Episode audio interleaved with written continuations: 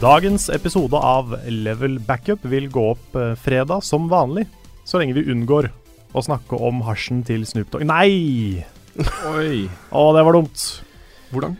Nei, men Carl, da. Ja, sorry. Sorry, det var veldig Nå blir det ikke noe podcast. Nei, Nei. det var trist, altså. Kanskje forklare den litt. Um, på onsdag så lasta vi opp vår eh, recap av EA sin E3-pressekonferanse. Eh, og så fikk jeg en copyright claim på YouTube-kanalen vår. Og det er ganske vanlig, fordi det, vi viser spillklipp, og folk prøver å tjene penger på de. Så um, så jeg at det var noe litt rart med den, med den eh, claimen. For det sto 'blocked worldwide'. Og Mm. det står det aldri. Vanligvis er det bare at eh, de putter på ads på videoene våre. Men den var blokkert da, fullstendig.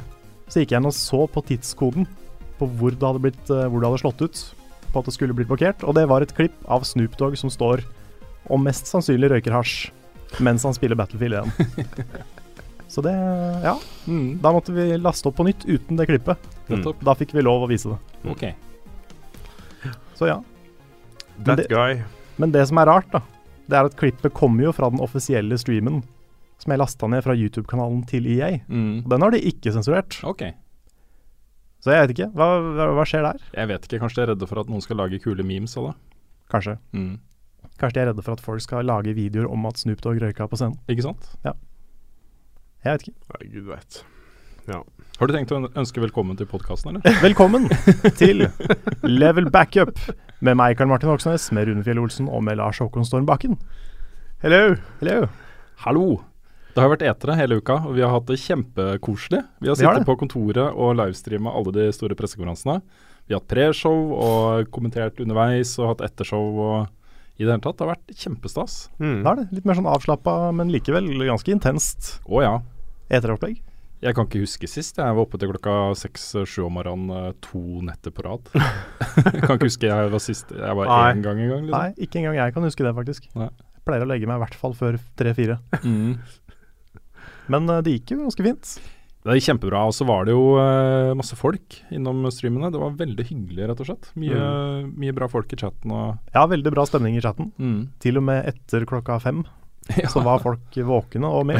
ja, det var helt utrolig å se det tallet liksom ligge på over 500 Mm. Ja, det var jo klokka tre-fire på morgenen. Ja. Vi var jo også oppe i langt over 1337 seere i perioder, Vi var også det. så det, det var veldig bra. Ja, det var kjempegøy. Det er helt andre tall enn vi har når vi streamer vanligvis. Mm. Og så er det jo eh, Så var det et veldig bra etere. Eh, veldig mye kule spill som ble vist fram. Altså Mm. ting som, eh, som jeg vet jeg har lyst til å spille, og som jeg gleder meg til. Og Mm. ting jeg aldri hadde hørt om. Som alltid er gøy. Mm. Så, så jeg er veldig fornøyd også med årets uh, etere. Skal vi ha den hva vi har spilt i den siste spalten, eller har vi spilt noe som helst? har vi bare sett på etere? Nei, Jeg fikk lasta ned Trials of the Blood Dragon, eh, for det ble jo annonsert og lansert samtidig eh, på Ubisoft sin pressekonferanse. Mm. Det har jeg ikke rukket å se på den gang. Okay. Så, eh, så jeg har ikke spilt noe annet enn eh, Level Update episode 3. Tror du det er like bra som Unicorn eller noe annet? Kanskje det. Nei, det er jo eh, Det, det var en veldig kul, eh, kul demo. Eller sånn Da de presenterte det spillet. Det var veldig morsomt. Mm. Det er jo samme humoren da, som ligger bak eh, Far Cry 3 Blood Dragon. Mm. Hvor du tar liksom eh, 80-tallet synt og neon og sånne action-klisjeer og, og sånt, og lager eh, et trial-spill av det. Ja, ikke sant? Du kjørte med tanks, og det var liksom Det var ikke måte på hvor kult dette skulle være. Så, eh, så det var et lite sånn høydepunkt eh, i eteret, syns jeg. Sånn Mm. eh, frisk liten øy av eh, kule ting. Mm. Ja, vi våkna litt. Vi gjorde det. Ja. Ja, nei, jeg har uh, sittet så å si konstant siden vi kom hjem fra Nintendo og klippet det vi har uh, streama. Mm. Så det er det jeg har gjort. Ja. Ja. Jeg er halvveis, og har uh, Ja, jeg tipper når den podkasten er ute, så er i hvert fall tre-fire av streamene ute. Mm. Jeg skal prøve å få alt ut innen fredag kveld. I hvert fall i løpet av uka. Ja. Det er mulig den siste kommer i helga, hvis ikke jeg rekker. Men uh, Ja. Det, er, det er litt å gå gjennom, altså. Det er litt å gå gjennom. Og min deadline også på Level Update, som jo blir en sånn oppsummering av hele etere, egentlig. Uh, trekke fram alle de største spillene og eh, lage litt montasjer og uh, snakke litt om de største nyhetene og sånne ting. Så man kan faktisk da gå inn og se den og få en ganske grei oversikt over hva som skjedde på årets etere. Det er i hvert fall målet mitt, da. Ja, det også er litt jobb. Det er litt jobb. eh, det, det er det. Men målet mitt er å få den klar før jeg skal hente unger i barnehagen eh, på fredag. Så Ja. tanken er at den skal være ute da i tre-fire-tiden. Eh, eller kanskje litt senere. Kanskje jeg bare akkurat får lasta den opp, og så må du fronte den, Karl. Det kan jeg sikkert få til. Så du skulle lage den i dag, eller? Nei, jeg har jobba med den i går, jeg jobber med den i dag, og så må jeg jobbe mer med den i morgen. Ok, greit. Så, men jeg har skrevet manus, jeg har eh, begynt å laste ned videoer, og det er jo sikkert eh, 100 videoer jeg må laste ned eh, og klippe i, liksom, eh, Ja. for å lage dette her. Så, Mm. så det er eh, mye, altså. Mm. Ja, Men det, det, tror jeg det på. er gøy, det er ordentlig koselig å sitte og jobbe med det. Jeg gleder meg til å se den. Uh, selv om jeg har fått på meg det meste av etere, så ja. Ja. Men selv det, liksom, hvis man har sett alt av etere, det er, det er så mange av de spillene som bare Å ja, det var det spillet, ja. Ikke sant? Ja. Og så har man glemt det. Ikke sant? det er sant. For det er så mye inntrykk Mm. som på en måte Altså, du klarer ikke oversikt. Nei. Så jeg, for min egen del så syns jeg det er veldig ålreit å bare gå der og så Ja, det var det, og så var det det, og så setter jeg det i litt sammenheng og, Mm. og sånne ting. Og så er jeg jo helt sikker på at jeg ikke har fått med meg alt. Og da får jeg sikkert høre Ja. det, men det er bare Ja. fint. Bare, bare i stad så nevnte jo du Detroit, Lars. Ja. Og det hadde jeg glemt at ble vist. Og bare, å shit, de viste Detroit, Ja. liksom. Kult. ja, ikke sant. Og det var et ganske stort spill også, Ja, ja. Som, vi har, som vi har både snakket om og gledet oss til. Fra David Cage. Ja. Ja. Ja. Men vi snakka om at, uh, at vi kunne benytte anledningen denne podkasten her og, eh, og lage våre personlige topp fem-lister Mm. fra årets setere. De fem spillene vi har aller mest uh, som vi gleder oss aller mest til å faktisk spille. Mm. Ja, for det er to veldig forskjellige lister. Om det er spill vi gleder oss mest til å spille, eller de kuleste Ikke sant? annonseringene. Ja. Uh, fordi uh, for eksempel, da, for min del, så, så eh, ekskluderer jo det Death Stranded, uh, Kojima-spillet. Som har- Stranding. Stranding er det. Jeg har ikke aning om hva det er. ikke sant? Jeg vet Nei. ikke, jeg har ikke peiling. Nei, det er grunnen til at det ikke er på min liste heller. Ja, ikke sant? Jeg vil jo vite mer, Mm. men jeg vet ikke hva det er. Så det er vanskelig å si at man må spille det med en gang. Så kanskje vi skal bare gjøre det. Mm. Ja. Hvem har lyst til å begynne? Skal vi ta én og én, eller skal vi ta all, hel liste og så videre? Kanskje vi skal ta én og én? Jeg Ja. vet ikke, hva er best? Vi kan godt ta én og én. Vi Vi, vi, ta, starte med de vi tar hele lista. Hele lista? Ja. Ok. Og så er det lov å kommentere. ok. underveis. Skal vi ta okay, greit. three way stein, saks, papir om hvem som begynner?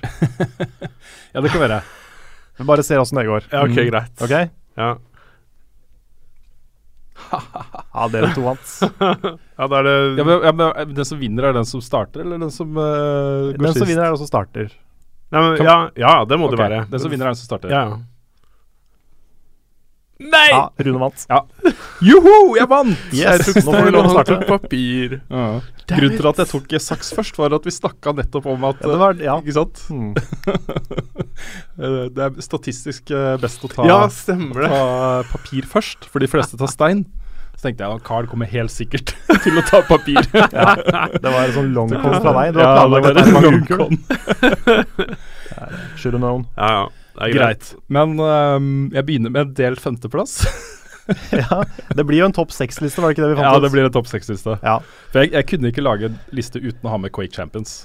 Nei. Jeg ble så glad da det ble vist fram. Um, ikke at det er noe grensesprengende på noen som helst måte, men uh, et, sk- altså, alle disse arena-skytespillene som kommer, det, de, de er ikke arena nok for meg. Jeg vil ha et ordentlig arenaspill. Altså, jeg, vil, jeg vil gjerne spille et klassisk arenaspill. Uh, og uh, veldig kult at de lager, og de sier at de skal satse på e-sport og turneringer og konkurranser og ligaer og sånne ting. Så det er kjempespennende. Og så sier de også at uh, hver enkelt uh, character i dette spillet skal ha sine egne unike egenskaper og ferdigheter. Og da blir jeg jo litt stressa, men inntil videre så velger jeg å være veldig uh, glad inni meg for det. Mm. Mm. Så da på andre delt femteplass, det er helt utrolig at det er helt nede på en femteplass. Horizon Zero Dawn. Det er på femteplass, da. Det er på femteplass. Uh, det ser insane bra ut. Og den, få, vi fikk åtte minutter med gameplay-demo på Sony sin eh, pressekonferanse. Og så sammenhengende, uten noe klipping og sånne ting. Mm. Eh, sikkert spilt av en person som kan dette spillet veldig godt, selvfølgelig. Han, de satt live og spilte. De satt live jeg og husker vi satt og diskuterte, men du så jo det at de hadde fire kameraer på siden. Ja. Og de fire kameraene cappa jo han som satt og spilte fra forskjellige vinkler, for at du virkelig skulle se at Ja, dette er live, liksom. Ja. Mm. Ja. Eh, men han har nok spilt det før. Antakeligvis. Ikke sant? Ja. Uh, og det er litt forskjell, men, uh, Det men, det, sånn. men det ser kjempekult ut. Og bare fargene og den verden det foregår i, og teknologien i uh, disse mekkene og Mm. alle de tingene. Det er liksom det er et drømmespill, rett og slett. Mm. Utrolig stilig setting. Ja. Veldig kul hovedrolle også. Det var flere sterke kvinnelige hovedroller i, i spill i år. Mm. Det var det. Det syns jeg var veldig kult. Det var også, Jeg husker at det var et, litt sånn, eh, et tema. Husker ikke om det var i fjor eller et par år før. Hvor det var, eh, det var noen som reagerte på at det bare var mannfolk på scenen. Det var sånn eneste lang pølsefest. Eh, I år så var det mye damer på scenen. Mm. Det også var jo eh, litt annerledes. Ja. Mm. ja, hun er Hun er, hun er badass. Ja, Aisha Ser Tyler, kul ut. Ja, altså hun òg, for så vidt. Men Ja. ja, nå tenkte jeg på hovedrollen okay. i Horizon Zero Dawn. Ja, hun er dritkul. Litt sånn Egrit fra Game of Thrones. Ja. Og så, ja, er det. Og så er det også dette prosjektet her. Det er helt tydelig at uh, Guerrilla Games um, er ganske happy med å ikke lage bare nok et Killzone-spill, liksom. Selv om de er bra, de også. Men uh, det er et kjempebra team, liksom. De kan mye. Den eneste eneste lille greia som murrer litt i bakhodet mitt, det er at uh, i, Min personlige mening er at de alltid har vært mye flinkere på teknologi enn gameplay. Uh, Killzone-spillene, fra det første helt opp til det siste, har sett utrolig bra ut, og da de kommer, som regel bedre ut enn noe annet på den plattformen. Så de har vært veldig gode på teknologi, og så syns jeg spillene har vært litt kjedelige. Ikke sånn veldig, altså De har vært bra, men jeg har ikke gitt noen av Killzone-spillene over en firer på terningen, liksom. Så, så det er det eneste som stresser meg litt. Da. Men kanskje alt de har lært da, fra liksom alle årene med utvikling, kulminerer i et uh, mesterverk. Mm. Horizon. Det er lov å håpe. Det er det. Yes, på uh, fjerdeplass Nå er det ingen delte plasser på resten av lista mi, jeg bare informerer om det. Ok. Uh, nok en eh, utrolig kul kvinnelig hovedrolle i et spill, Dishonored 2. Mm. Ja. Og eh, der også fikk vi se masse, masse gameplay eh, på Bethesda sin pressekonferanse. Og det er Jeg vet ikke. Jeg er veldig veldig glad i Dishonored. Jeg syns det er kjempebra. Jeg likte det best som et uh, stealth-spill. Jeg ghosta det. Andre gjennomspilling og andre gjennomspilling var mye kulere enn det første. Men bare settingen, uh, dette universet dette foregår i, hvor mye dybde det er i det, hvor uh, detaljrikt det er, uh, hvor mye personlighet det er i alle rollefigurene.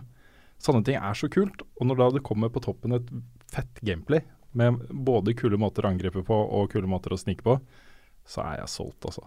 Mm. Jeg syns det absolutt kuleste de viste fra Dishonored 2, det var den der eh, når du går fram og tilbake i tid, med det speilet som Ja. viser to versjoner av samme sted, Mm. og du kan skifte mellom de. Det var helt latterlig kult.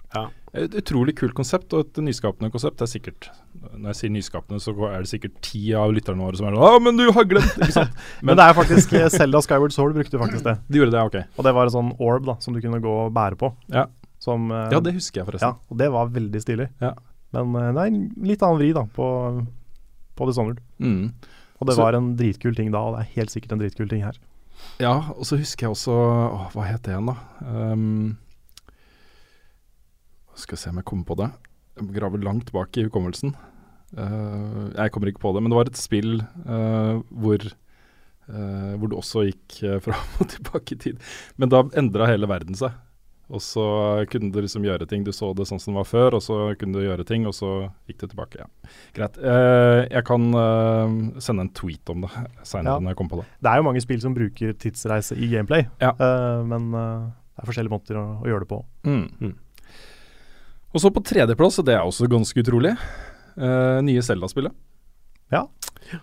Som eh, jeg syns det så kulest ut, der de hadde liksom plukka ut scener fra seinere spill og, og lagd den traileren, som var ganske lang. Som viste ganske mye av uh, spillet, mange forskjellige ting. Litt combat og litt uh, utforsking og litt eh, bare avslapping og bading og hele pakka. Den syns jeg var kulere enn da de satte seg ned og faktisk spilte det. Men det, de hadde jo valgt ut et stort område.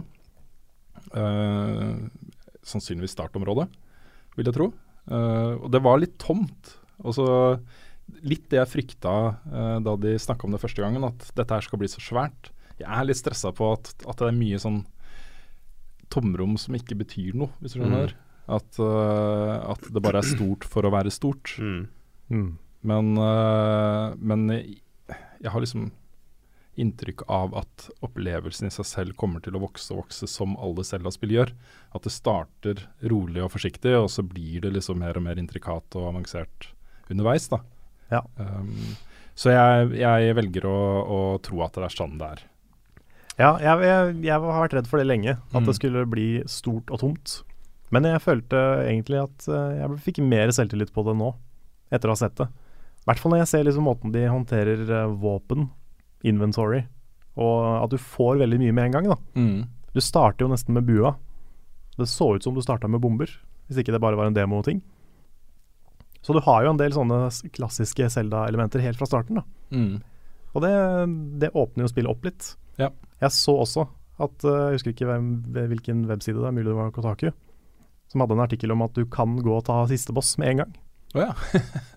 Så det er veldig åpent. da ja, det høres veldig Så du ut. kan ignorere historien, bare gå rett på siste boss. Mm. Hm. Ja, da får jeg gjøre det, da. Ja, Yes, det er riktig måte å spille. Zelda på. Eh, greit. Andreplass, det også er det vil nok sjokkere mange. The Last Guardian. Det er ikke på førsteplass. Um, og det er jo litt fordi jeg har sett uh, Jeg føler vel ikke at det de viste fram fra det spillet uh, på pressekonferansen er så radikalt annerledes enn det jeg har sett av det fra før. Men det er jo spillbart på etere. Du kan gå og spille det. Så det gir nok litt annet inntrykk, vil jeg tro. Mm. Men det fikk jo dato. Det kommer i oktober. Og 23. oktober, tror jeg det var. Og det er bare, bare det å se den datoen, 23. oktober 2016, det er litt over 18 uker til. Jeg ble så glad inni meg. Jeg ble så glad inni meg. Og så er det to av de der skapningene. I hvert fall. Ja. Det er minst to. det er sikkert en hel rase med ting. Sikkert. Oh. Og så er de andre slemme, så er din snill. ikke sant? Kanskje det er noe sånt? Mm, Oh. tipper det. Jeg gruer meg sånn til den eh, skal dø, altså. Ja, jeg er helt Ja, I know. Ja, det er bare allerede nå jeg er glad i den, ikke sant. Mm. Ja. Men min Ja. førsteplass, da. eh, også eh, Det sjokkerte meg. Eh, God of War. Ja. Reboot. Som eh, Når jeg så den presentasjonen av det spillet på, på Sonys pressekonferanse, så det flomma sånne følelser i meg eh, hvor jeg huska hvor bra de to første God of War-spillene var. Eh, jeg husker hvor grensesprengende det var, hvor fantastiske det var. hvor uh, Også sammenligna med andre ting som kom ut av. Det er, det, er to, er to fantastiske spill, liksom. Uh, det som skjedde med den serien, var jo at også Kratos ble jo, ble jo sintere og sintere, og det ble verre og verre, og det ble jævligere og jævligere, og alt ble liksom bare sånn «Åh!» Så nå, nå er på en måte eh, den settingen er flytta til norrøn mytologi. Han har fått en sønn. Han skal liksom lære sønnen sin å overleve i en eh, livsfarlig verden. Eh, du får inn et helt sett med nye guder og nye områder å utforske og sånne ting. Du har en mye eldre Kratos. Uh, han begynner å få litt sånn uh, redeeming factors. Han var jo litt mer interessant rollefigur. Han var jo til å begynne med litt dypere i det første spillet, var han ikke det? Og så ble han mer og mer bare en sånn rage-maskin. Ja da, fordi, fordi som actionhelt liksom, i det første spillet, så er det jo en ganske kul greie. Fordi det som skjer, er at han blir jo ehm, Han er en spartan, uh, Spartan warrior, en spartankriger. Spartansk. Som er berykta for å være den mest fryktløse på slagmarken og, og sånne ting, og lever i blodtåka. da. Uh, og det som ender opp uh, med å skje, er jo at han blir på en måte lurt til å drepe sin egen familie. Eh, og det, det er det som liksom setter han ut på det hevntoktet mot de greske gudene, ikke sant. Så, så som liksom historie, som klassisk sånn heltehistorie, så er det ganske interessant. Mm. Uh, jeg vil ikke si det er superdypt egentlig, men interessant. Uh, og når den biten er på en måte over og vedtatt, så er det ikke like interessant. Så det å bare flytte dette her, og hvorfor er det der nå, liksom? Også, hva har skjedd i forkant? Hvem har han fått barn med? Vi spekulerte om det kunne være Frøya, Ja. f.eks. Mm. Så, fordi det er jo ikke noe tvil om at han, er, han har jo blitt en gud, ikke sant. Og um, det kan jo være noe kult med han kidden, for Kanskje. eksempel. Det Ja. kan du. Mm. Det er jo også spekulasjoner om hvor mye du Eller om du kommer til å spille som kiden. Ja, jeg tror jo det, da. Ja, jeg også tror det, at kanskje han får en veldig sentral rolle i Mm. både for deg når du spiller, og i historien. Kanskje det blir sånn veksling, at han er liksom stealth. Snike, eh, utforske. Ja, Tror du God of Pappa, War-fansen det er et monster! Du må komme og hjelpe meg! Men tror du, tror du God of War-fansen klikker hvis det er stealth i uh...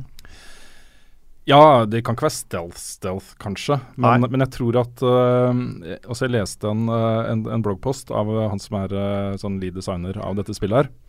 Uh, og han, han snakka en del om at det var viktig for dem å lage en, en ny eh, opplevelse basert på God of War-universet. ikke bare å lage et nytt God of War-spill. Så de kommer nok helt sikkert til å tilføre ganske mye nytt uh, til dette spillet her. Det som de kommer til å beholde, er jo de fantastiske bosskampene. Uh, de kommer til å beholde den der jakten på liksom skjulte skatter og altså utforskingsdelen. De kommer til å beholde den derre altså At du er i fantastiske miljøer, da, som de har jobba intenst hardt med å få til å bare få deg til å føle masse, ikke sant. Mm. Så alle de varemerkene ved serien kommer til å være der. Uh, men så tror jeg gameplay-messig at de kommer til å introdusere mye nytt. Og det syns jeg er veldig bra. Ja, ja for det, det føltes veldig annerledes ut når vi så det på, på scenen. Det var en helt annen kameravinkel. Det, var, eh, det virka som kampsystemet var litt mer eh, forseggjort. For uh, God of War har ikke det dypeste kampsystemet i verden.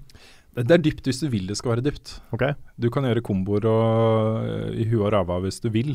Ja. Men du kan bare også trykke trekant, trekant, trekant, trekant, trekant, trekant og så Og så noen quicktime events, og så er bossen nede, liksom. Ja, jeg følte det her var litt mer sånn eh, direkte, da. Mm. At du hadde mye fokus på liksom eh, rulling, evasion, Mm. eh, og så ja, litt mer at, at det var litt mer i det, da. Ja. Fikk Jeg- jeg inntrykk av. Jeg tror, også, jeg tror også de har sett litt mot f.eks. Dark Souls-serien og, eh, og sett betydningen av å få den litt mer sånn down and dirty altså nærkamp, da. Ja. Skikkelig, liksom. Og med etablerte regler. Ja. Dette her kan du gjøre, dette her kan du ikke gjøre. Mm. Det, ja, jeg håper det. Ja. Det er jo eh, det er lett å føler veldig mye blir uh, sammenligna med Dark Souls, men det er jo det første jeg tenker på. Mm. Sånn, ja, dette er litt mer Dark Souls. Ja. Samme med Horizon, egentlig, Mm. i forhold til eh, da eh, fikk jeg helt Hva heter den serien deres? Eh, Killzone? Killzone. Ja, i forhold til Killzone, Mm. som er en veldig sånn standard shooter-type Ja. ting, FPS. så er jo FPS Så er jo dette her litt mer i den gata. Da. Mm. Men én ting vil jeg si, da. Hvis nå uh, Santa Monica Studios bruker liksom en time eller to på å liksom, å skape et bånd mellom uh, deg og Kratos og sønnen hans og, og sånt, og så dreper de sønnen hans, og så blir Kratos kjempesint igjen. Enda mer sinna, enda mer sånn hvit aske på. Ikke sant? Da blir jeg sur også. Da blir jeg sur. Ja. ja da, det er dårlig. Ja, det er dårlig. Det er bare Ja. Men det er, det er ikke umulig. Det er liksom et scenario som jeg har frykta litt, da. Mm. Så vi får se. Tenk om sønnen dreper Kratos. Det vil kanskje vekke sterke følelser, da. Jeg vet ikke. Ja, men det blir så obvious. Ja, Det så blir det så åpenbart. så blir det så teit. Mm. Ja. Det er eh, Ja, det er som å Ja, jeg vet ikke. Jeg kommer ikke på noe. Fortsatt litt sliten i huet etter dette. Ja.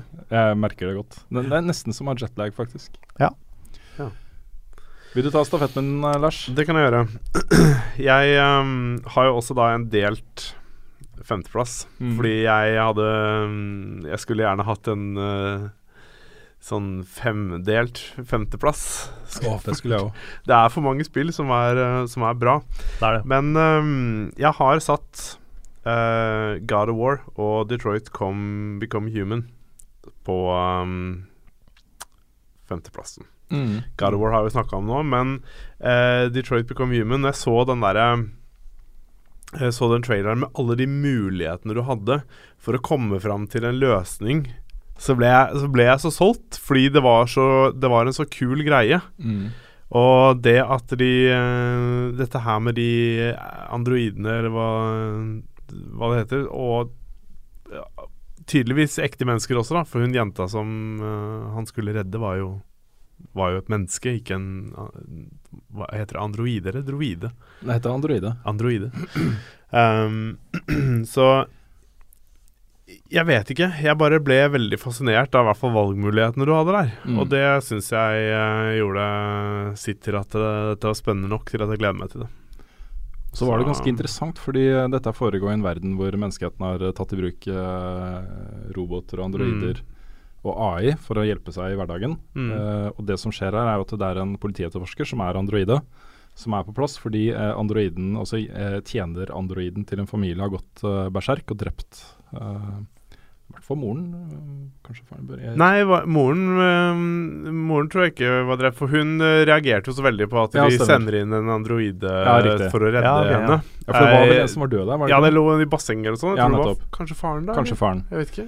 Um, og holder da dattera i huset som gissel. Holder henne utfor De bor høyt oppe i en skys skyskraper. eh, og truer med å drepe henne. Og det som er greia, er jo at uh, disse androidene har jo begynt å få eh, følelser og tanker og selvbevissthet, ikke sant. Um, Mm. Så, så det, det er på en måte det underliggende, underliggende tematikken. Mm. jeg syns det er så utrolig interessant som Det det. konsept. Ja. Mm. Veldig. Også da satt i sammenheng med valgmuligheter og, og ting og tang du har her. Det vil si at eh, eh, når du spiller det, og jeg spiller det, og du spiller det, så vil vi få antageligvis en veldig forskjellig spillopplevelse. Mm. Og forskjellig utfall, med mindre du sitter og tester alle. Men, Mm. eh, og det syns jeg er veldig kult. For det kan uh, føre til interessante diskusjoner. Mm. Ja. Og jeg er sikkert med på å øke bevisstheten rundt dette her med hvordan Altså hvordan de ser for seg at sånne androider kan reagere på ting, da. Jeg vet Mm. ikke. Ja. Ja, det er spennende, i hvert fall. Mm. Det var jo eh, Det var veldig likt sånn de viste Heavy Rain eh, på E3 for mange år siden. Mm. For da hadde de den der eh, kioskscenen med han Scott Shelby Mm. som gikk rundt og Der også hadde du mange mange måter du kunne løse den scenen på. Ja. Enten kunne alle bli drept, bortsett fra da han Scott Shelby. Mm. Eh, eller så kunne ingen bli drept. Du kunne bli venn med tyven. Du kunne Mm. eh, overbevise tyven om at dette her var ikke lurt. Og diverse, da. Så det var jo det var veldig likt, men da med enda flere Mm. muligheter. Virka det som. Ja, for det som var litt øh, greia i Heavy Rain, var at den, re den reelle innvirkningen du hadde på historien, uh, var ikke sånn voldsomt stor. Det var ikke sånne lange trær som sprika ut i veldig mange forskjellige retninger. Utfallet kunne være liksom forskjellige ting, altså, men det var av typen dør, ikke dør. Mm. Uh, og så ganske begrensa sånn sett, da. Ja, det hadde mange slutter. Ja. Og så var det sånn at hvis du dør, så er det en del av spillet du ikke får oppleve. Mm. Men, eh, men ja, historien var jo veldig lineær ellers. Mm. Her en, jeg har en følelse av at det kommer til å bli litt sånn. Altså. Mm. Beyond også var jeg veldig der. At du, du hadde en følelse av at du hadde mye valgmuligheter, men det samme skjer jo til slutt, Mm. uansett. Ja, Mm. det er sant. Ja. Det er et spennende spill. Ja.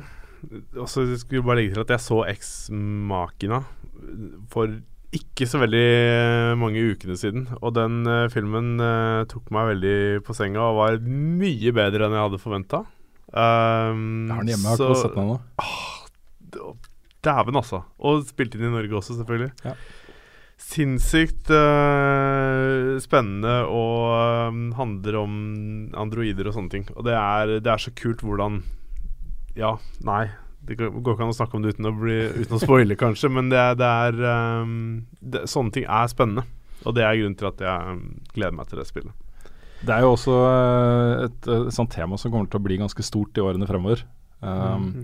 Og Elon Musk uh, og en gjeng med sånne tech-milliardærer har jo starta et sånt initiativ med massevis av ansatte. Det eneste det de gjør, det er å sitte og forske på hvordan de skal få eh, menneskeheten til å overleve, samtidig som det er AI i verden, liksom. Mm. Eh, det er, det er, også hans tese er jo at hvis vi fortsetter på det løpet vi går nå, så går menneskeheten under. Fordi på et eller annet punkt så vil eh, den kunstige intelligensen, intelligensen vi skaper være så intelligent og så selvbevisst Mm. at uh, du får The Matrix, ikke sant? Hvor de Ja, innser at uh, det beste for menneskeheten er å utslette den. for de ødelegger alt rundt seg, ikke sant. Ja.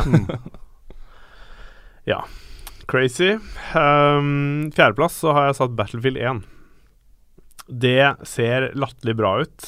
Uh, og første verdenskrig uh, Som det vel ikke eksisterer så veldig mange spill som har dekka det.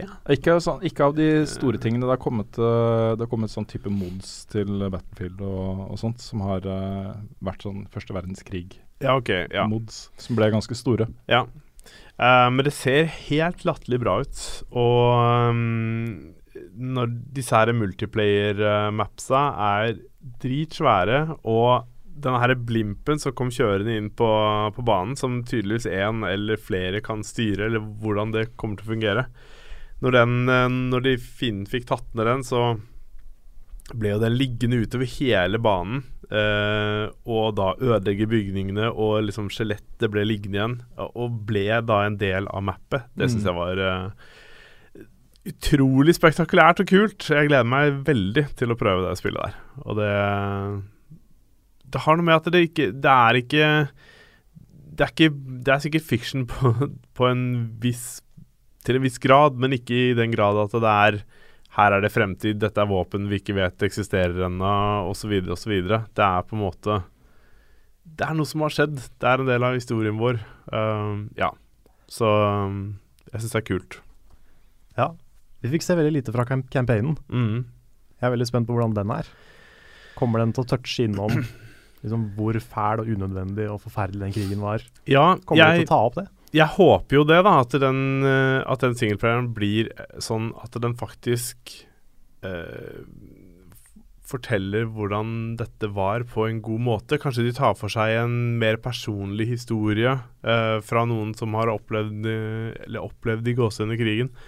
Um, de har i hvert fall muligheter her da, til å gjøre noe spektakulært med det. Så jeg håper at det blir det, og ikke sånn eh, Hva heter det? Glorifisert action, helteaction fra amerikanske styrker som man ser i mye Cold Duty og Ja, ting og sånn. ja det hadde plaga meg hvis det hadde skjedd. Ja. Det hadde vært liksom Det hadde vært en ganske sånn grov feilrepresentasjon av historien.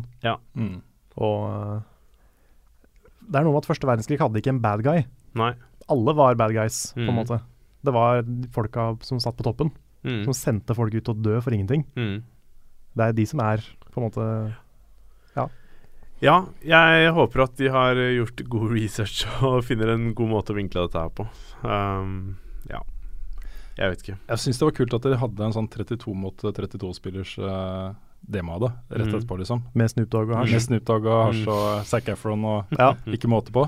Mm. Um, jeg ser egentlig på Battlefield som primært også et multiplayerspill. Jeg er ikke så opptatt av uh, representasjonen av krigen.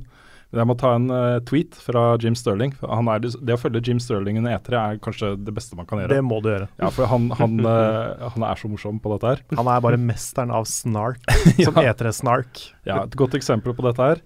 Uh, det er en melding fra i går. Nothing screams AAA video game industry more than taking the tragic and terrible World War I and saying France is DLC. Oi! Og Sa det er jo, du det? ja, uh, det er jo uh, en del sant i det, fordi Frankrike er ikke med i starten. Uh, Russland er ikke med i starten. DLC, DLC, ikke sant. Mm. Ja. Så uh, Dette er jo EA, kanskje, på sitt beste. Eller verste, er vel mer riktig å si. Uh, men det virker som det er det eneste de kan. Å plukke ting fra hverandre og gjøre det om til DLC-er. Og selge, selge spillet til deg for eh, 13 14 1500 kroner, da, til Mm. syvende og sist. Når vi, um, når vi først er inne på Jim Sterling, så hadde han en fantastisk Titanfall-tweet også. Om at eh, jo, Titanfall hadde singleplayer, du må bare logge på en måned etter at det lansa. Den syns jeg var uh, Ja, ja. ja, det er jo ikke umulig. Jeg håper ikke at det, det skjer. Um, men det bringer meg i hvert fall til tredjeplassen, som er faktisk Titanfall 2. Ja. ja, for du ble veldig hypa på det. Jeg ble det, fordi jeg likte veldig godt uh, Først og fremst så blir det jo en singleplayer nå. Uh, og så ble jeg så fascinert av at de hadde fokus på Mekken.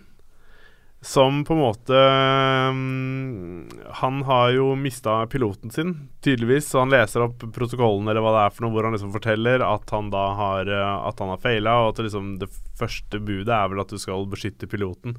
Og har tydeligvis feila på det, da. Um, så på et eller annet vis så ser jeg for meg at dette kommer til å handle om da Mekken og piloten. Det er litt mer sånn personlig greie, istedenfor at det blir en sånn intergalaktisk uh, krigføring her med, med et eller annet. Og, og akkurat det falt jeg veldig for. Så jeg tror det blir, uh, blir spennende. mm. Uh, jeg ble i hvert fall gira nok til at eh, det havner ja, over Battlefield for min del. Ja, det så Så, kjempebra ut. ja. Hvor bra det blir i lengden, det vet jeg ikke. Men uh, Altså, jeg tenker på multiplayer og Mm. tjohei. Men uh, Ja, det var litt sånn shades av uh, Iron Giant og sånne ting. En sånn golem som er der for å beskytte deg. Ja, Han har ikke klart det, så han vet ikke helt hva han skal gjøre med, med robotlivet sitt. på en måte. Jeg håper de er kjører litt sånn- den. da. Det kunne vært litt koselig, eller litt gøy. Ja. Alle sånne Sånne typer Hva skal jeg si En mekk og, og en, et menneske. Det er jo mange filmer uh, som finnes uh, med dette her. Han blir på en måte en hund Ja. som har mista eieren sin, Ja, på en måte. ja og så er det noe sårt ved det, på et eller annet vis. Fordi at uh, man tenker at roboten er så uskyldig. Fordi den er jo skapt av et menneske og på en måte har kanskje ikke sin egen ordentlige AI. Selv om jeg tror de kommer til å lage ganske kul AI ut av dette her. Men eh, ja. Jeg gleder meg. Vi får se hvordan det blir.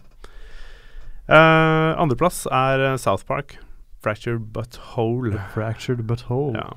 Um, uh, jeg var veldig usikker på om jeg skulle putte den på første eller um, på andreplass, men um, ja. Vi- Vi får Det er greit at den står på andre. Um, spillet ser uh, Altså, traileren var dritkul. Det er South Park.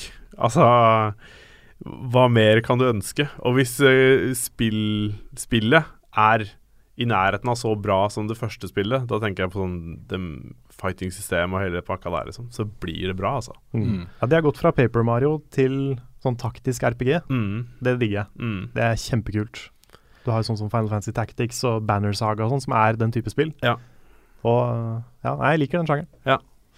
Det så, eh, det så helt herlig ut, og så digga jeg um, måten de, uh, de kødder med superheltfilmer her. Mm. Eh, Mm. Og det med å lage sin egen franchise av ting og få sine egne filmer og sånn, det syns jeg var veldig kult.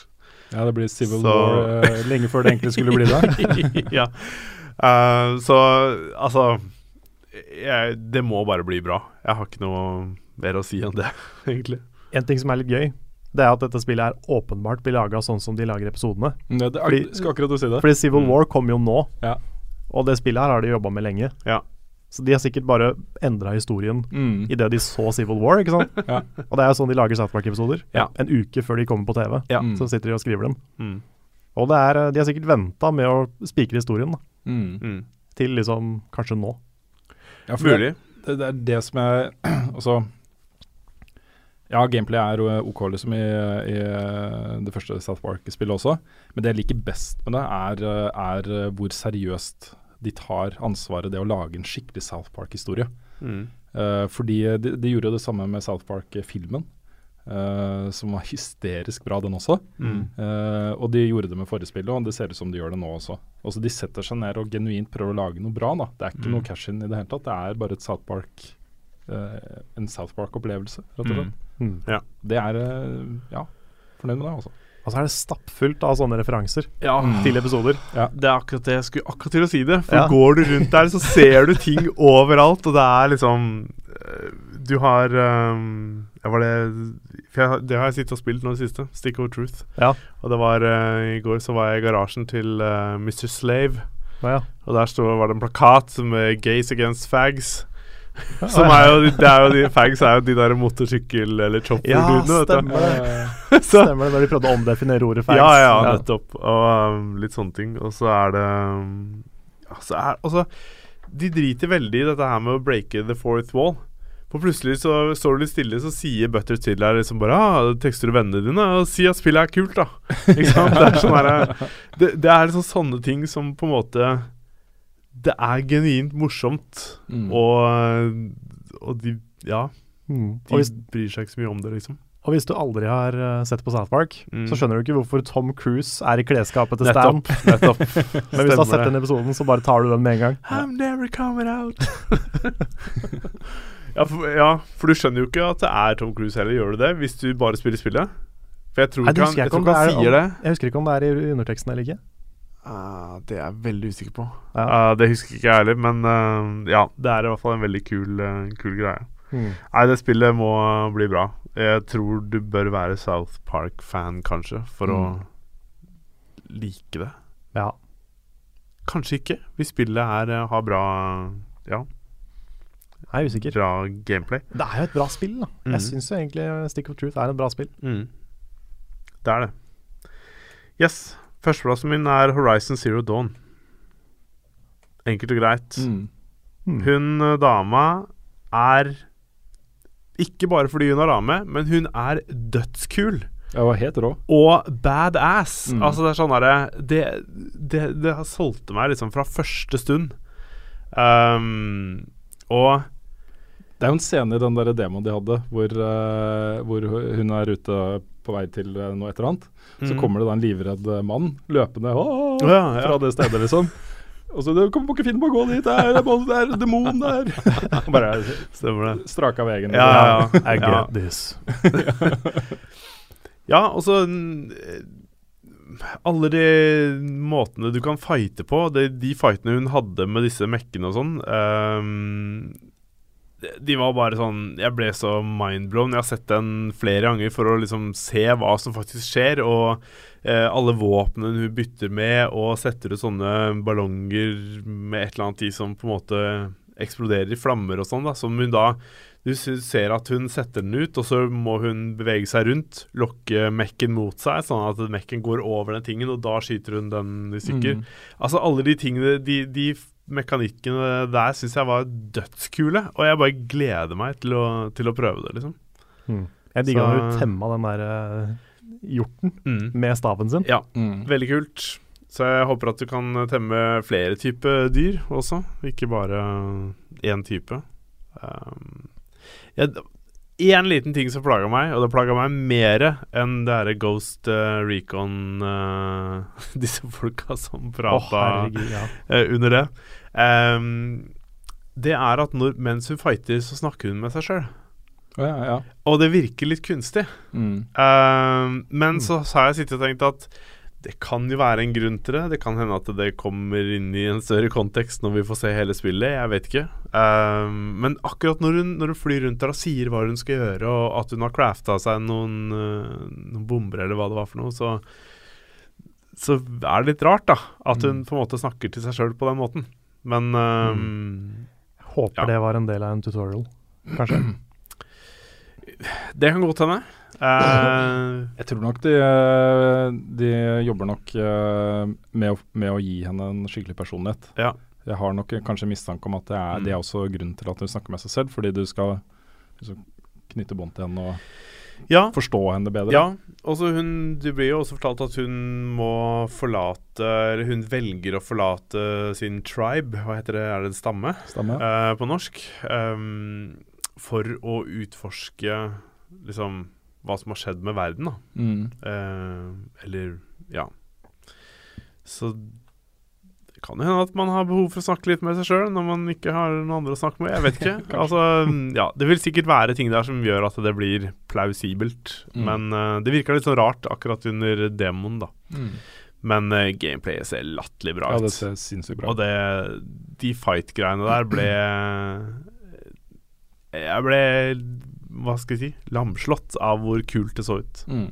Så Før du går videre til deg, Carl, har du flere USB-utganger på den Mac-en din? Som jeg kunne lade telefonen min i? ja, Har du det? det har jeg. Eh, bare også før jeg begynner, vi var litt inne på de Ghost Recon-stemmene. Jeg merka at det var, det var kanskje jeg som reagerte mest på det. Ja. Syns dere det var dritkleint, eller var det bare meg? Altså, det er jo Det er jo kleint til en viss grad, og det er veldig feil, fordi det er jo overhodet ingen som spiller sammen og, um, og gjør uh, Og gjør ting på den måten der. Det er Nei. ikke sånn at når jeg spiller med um, Spiller med dere, så vil ikke jeg på en måte tro at jeg er i militæret, og at uh, du har Eller At dere har trening i, uh, i taktisk uh, invadering av et C. Jeg vet ikke. Fordi det vi prater om, er jo når de demonstrerte Ghost Recon på scenen Ja. på Ubisoft. Og det var fire stykker eller noe sånt som spilte sammen. Ja. Og alle sammen prata på militærlingo. Mm. Erkealvorlig. Som Mm. 'copy that' og Mm. 'at your six' og liksom Mm. sånne ting. Og jeg blir så satt ut av det. Mm. Jeg, jeg bare dras fullstendig ut av alt, fordi Mm. de menneskene fins ikke. Ja. Det, ingen spiller spill sånn. Nei, jeg blir det bare, jeg, det ødelegger alt for min del. Jeg syns det er hysterisk morsomt, Mm. men det er jo ikke det de prøver på.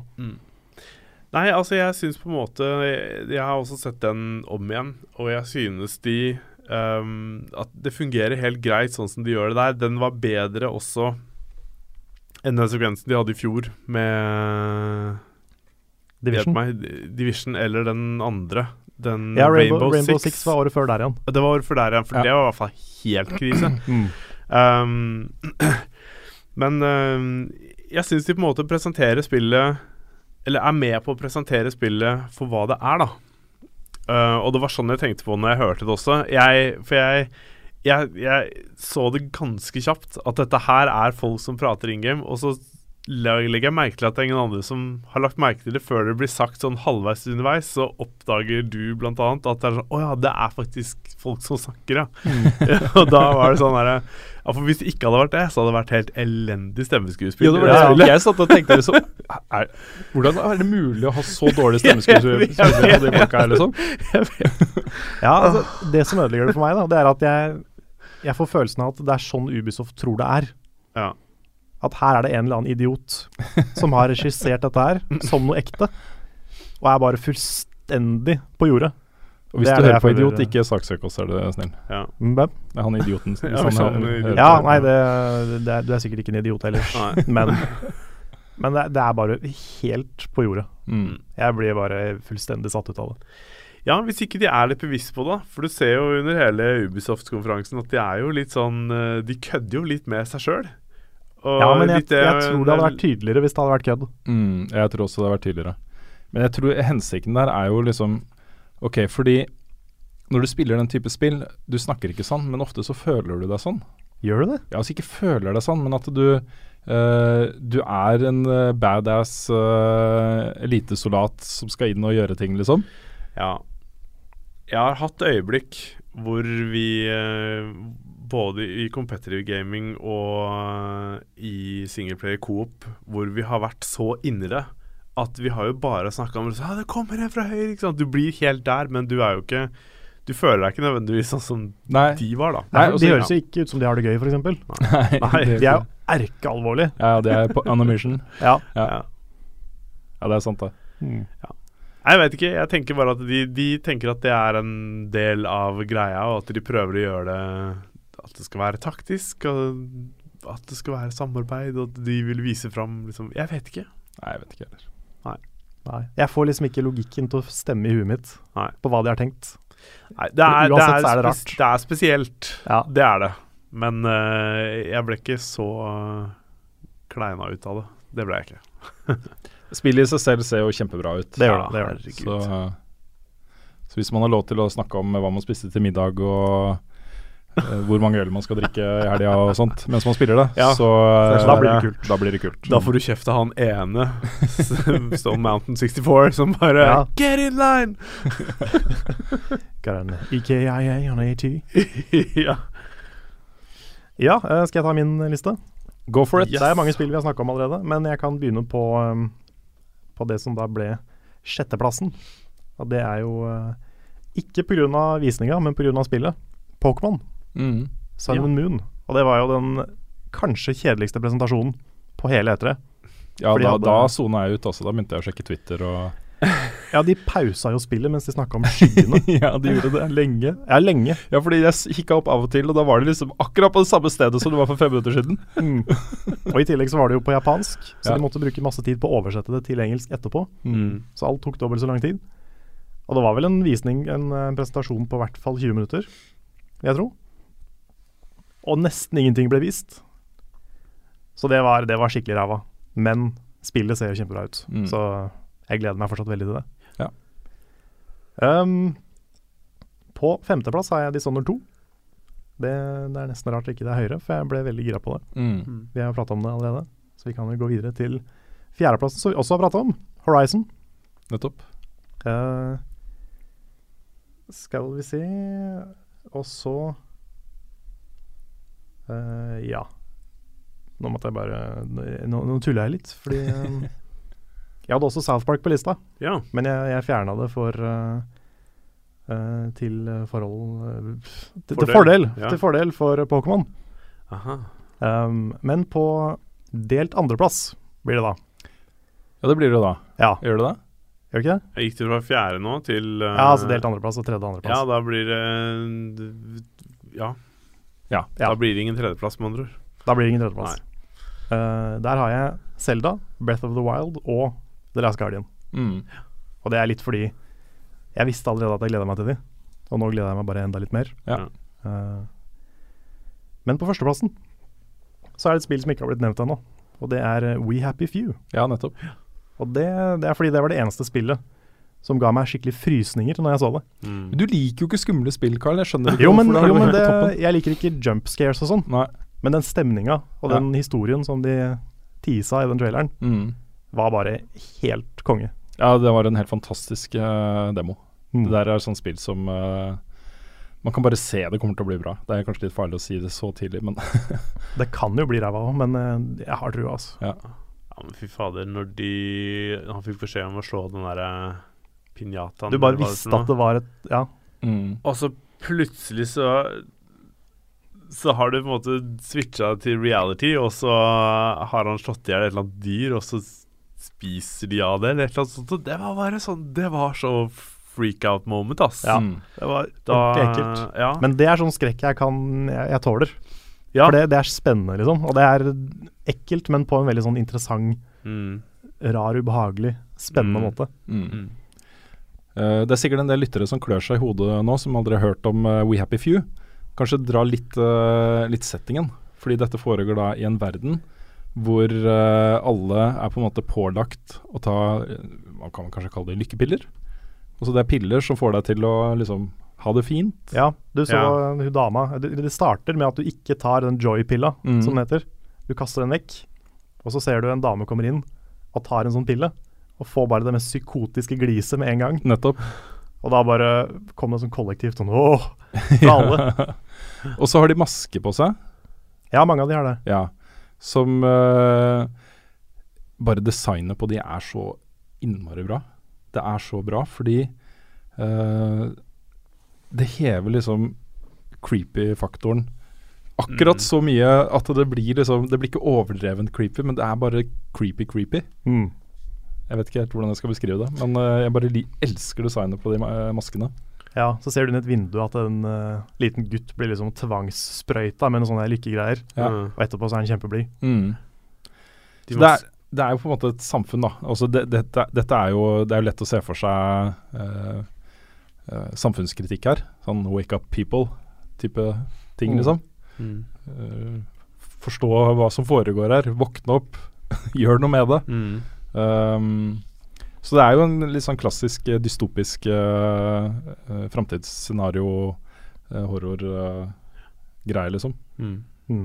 Ja, for det her slår meg som en sånn historie som noen har veldig lyst til å fortelle. Mm. Dette er noe de har sittet på lenge og liksom Ja. vil formidle, da. Mm. Og det, det gjør meg litt ekstra gira. Ja.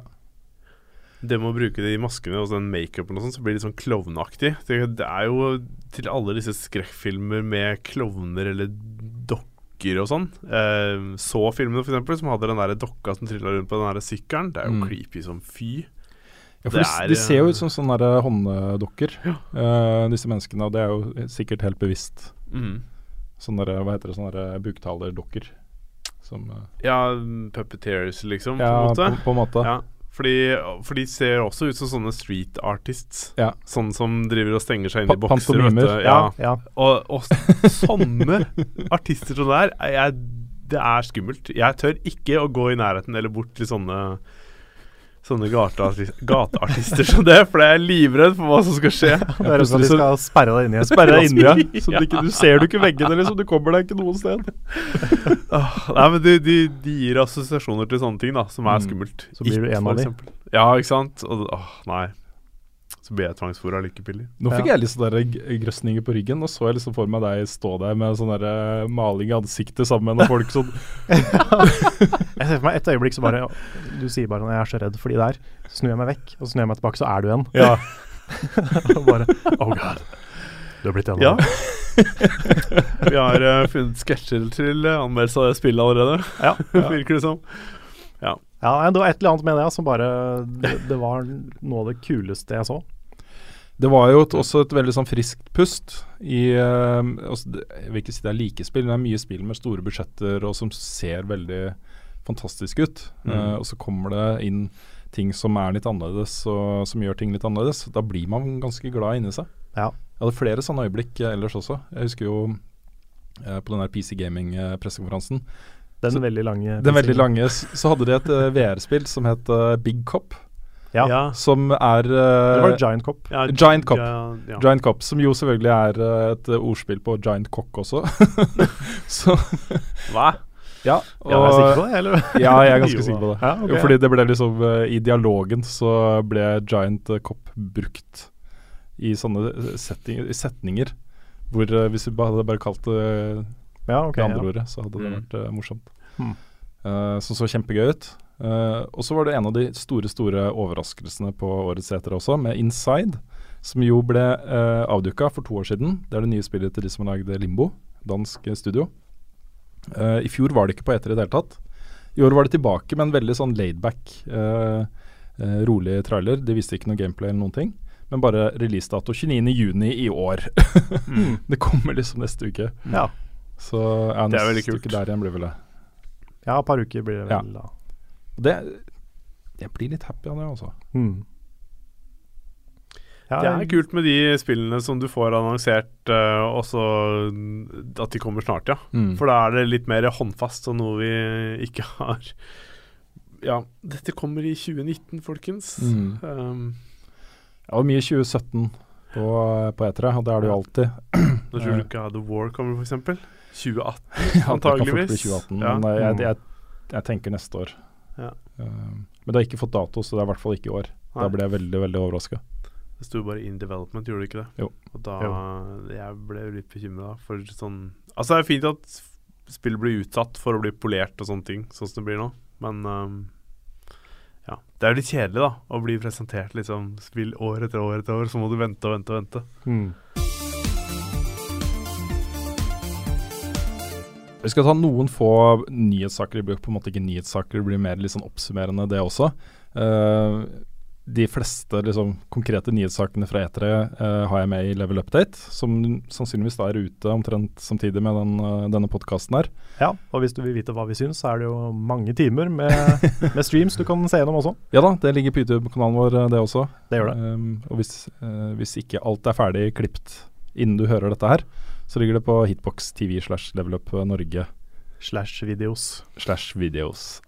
Men det er, det er ferdig i hvert fall nesten idet den her kommer ut, tenker Ja, ikke sant. Det er en eller to som ikke er der. Men det var noen få ting som, som jeg hadde lyst til å snakke litt om. Mm. Uh, og det ene er jo liksom det uh, klassiske spørsmålet som kommer hvert år. Hvem vant etere? Uh, og der hadde vi jo, mens vi så disse pressekonferansene, så hadde vi en sånn pennelek hvor man kasta penner hvis man ble uh, oppglødd av noe. Man Mm. kunne kaste to penner hvis man ble ekstremt oppglødd. Og så telte vi opp pennene og delte på antall timer og antall personer. Ja, vi kom fram til PPPPT. Ja, Det var penn per person per time. nettopp. Uh, og lagde et snitt. Det var Frida som hadde ansvaret for, uh, for opptelling og, og finregning på det. Uh, og der var det ikke noe tvil om at Sony vant den. Mm. Det ble, folk satt jo uten penner etter pressekonferansen. Det var en utrolig bra pressekonferanse. Mm. Og ganske kort i forhold til i fjor. Ja. Men de hadde kutta ut bullshitet. De hadde, Det det, var det var veldig lite prat generelt. Ja, det, var, bare prat, liksom. visning av ting. Mm. Og så I forkant av det så gikk det jo rykter om at, eh, at eh, Rockstar skulle ha et kvarter på den pressekonferansen. Og nå etterpå så går det jo rykter om at eh, det ble kutta i siste liten. At den egentlig skulle være med, men så ble det tatt bort av en eller annen grunn. Okay. Ja. Jeg tror det er mye sannsynligvis fordi folk ønsker å se Red Dead Redemption Ja. 2, ikke sant. Mm. Så, men, men det kan være noe i det, kanskje. Kan ha vært pga. den ulykken. Eller ulykken. Det, Ja, for det var det som er spekulasjonen, da. mm. Uh, at uh, det var visstnok noe skytesekvens uh, på en saloon. Um, som de var redde for at det skulle gi assosiasjoner da, til det som skjedde i Detroit. Nei, Detroit sier i Orlando. Orlando. Mm. Så, um, så det er Det er ryktet, da. Det er det som hevder, da. Mm. Men, men uansett da, så var det en ekstremt fokusert uh, pressekonferanse. Og så var de kjempeflinke til å gå på gameplay og vise ting som så bra ut. Mm. Ferdig ut. Det så gjennomtenkt ut. Det var uh, gøy Mm. uh, og spennende og interessant og nyskapende og alt det der, liksom. Mm. Svære, svære spill. Mm. Mm. Fy fader. Man ble jo bare det, det, Man ble bare fora med det ene etter det andre. Du fikk liksom ikke puste. Nei, det ble litt sånn. ja. Så hadde de jo en eh, De viste jo fram litt eh, fra PlayStation VR også, som fikk eh, dato eh, Mm. og pris. Uh, Ca. 4000 i Norge. Kommer uh, 13.10. Mm. Um, så hadde de jo litt mindre ting også, men eh, de brukte jo litt tid i forkant også til å vise fram uh, f.eks. et spill som het Bound, som ser kjempebra ut. Det er en ballettdanser som er i en eh, sånn plattform eh, action adventure-lignende spill. Mm. Mm. Så de, har, de valgte å liksom fokusere ganske skarpt da, på selve pressekonferansen. Men det jeg må eh, si, og den, den pressekonferansen jeg kanskje koste meg mest med, var jo Ubisoft sin. Mm. Så når jeg tenker på det tilbake, så mange morsomme øyeblikk det er i den. Ja, Ja. Både, både frivillig og ufrivillig morsomme. Ja, Mm. Det var mye gøy der, altså. Eksempel introduksjonen til uh, Det er vel kanskje det beste når de, de Den Blood Dragon Trials-tingen. altså Det er Ja. morsomt, liksom. Jeg så det var mange amerikanere som hadde trukket fram det som et sånn cringe-øyeblikk. Oh, ja. Jeg syns det bare var kjempegøy. ja, det var bare humor. Kanskje det er uh, type humor som ikke passer over dammen. Det jeg vet ikke. Ja, det kan godt tenkes. Maybe. Du får opp en finne da fra Redlinks som sier at, uh, at han er uh, designer i Redlinks. And the president of Finland. Ja, et fint, herlig øyeblikk. Ja, det var det, ass. Var det ikke et eller annet med at uh, Trials and Blood Dragon make a baby? Ja. Ja. Og så åpna det jo med en helt fantastisk sånn danse, dansenummer, liksom. Det er bare Ubisoft som kunne slippe unna med det. Ja, en altså. sjiraff med en monokkel og noen greier. Ja, og en løve og Ja. Ja, det var veldig bra. Um, den andre tingen jeg hadde lyst til å snakke litt om, er, eh, er Kojima. Ja. Fordi han Mm. dukka opp på Sony sin pressekonferanse. Bare 'I'm back'. Gikk uh, litt usynk ned en sånn uh, Han var litt for kjapp. Litt for kjapp. Mm. Uh, sånn, han skulle tråkke på noen plater, og så lyste de når han tråkka på det. Litt sånn som Michael Jackson. Mm. Men han gikk litt for fort, så Mm. de kom, kom litt bak han.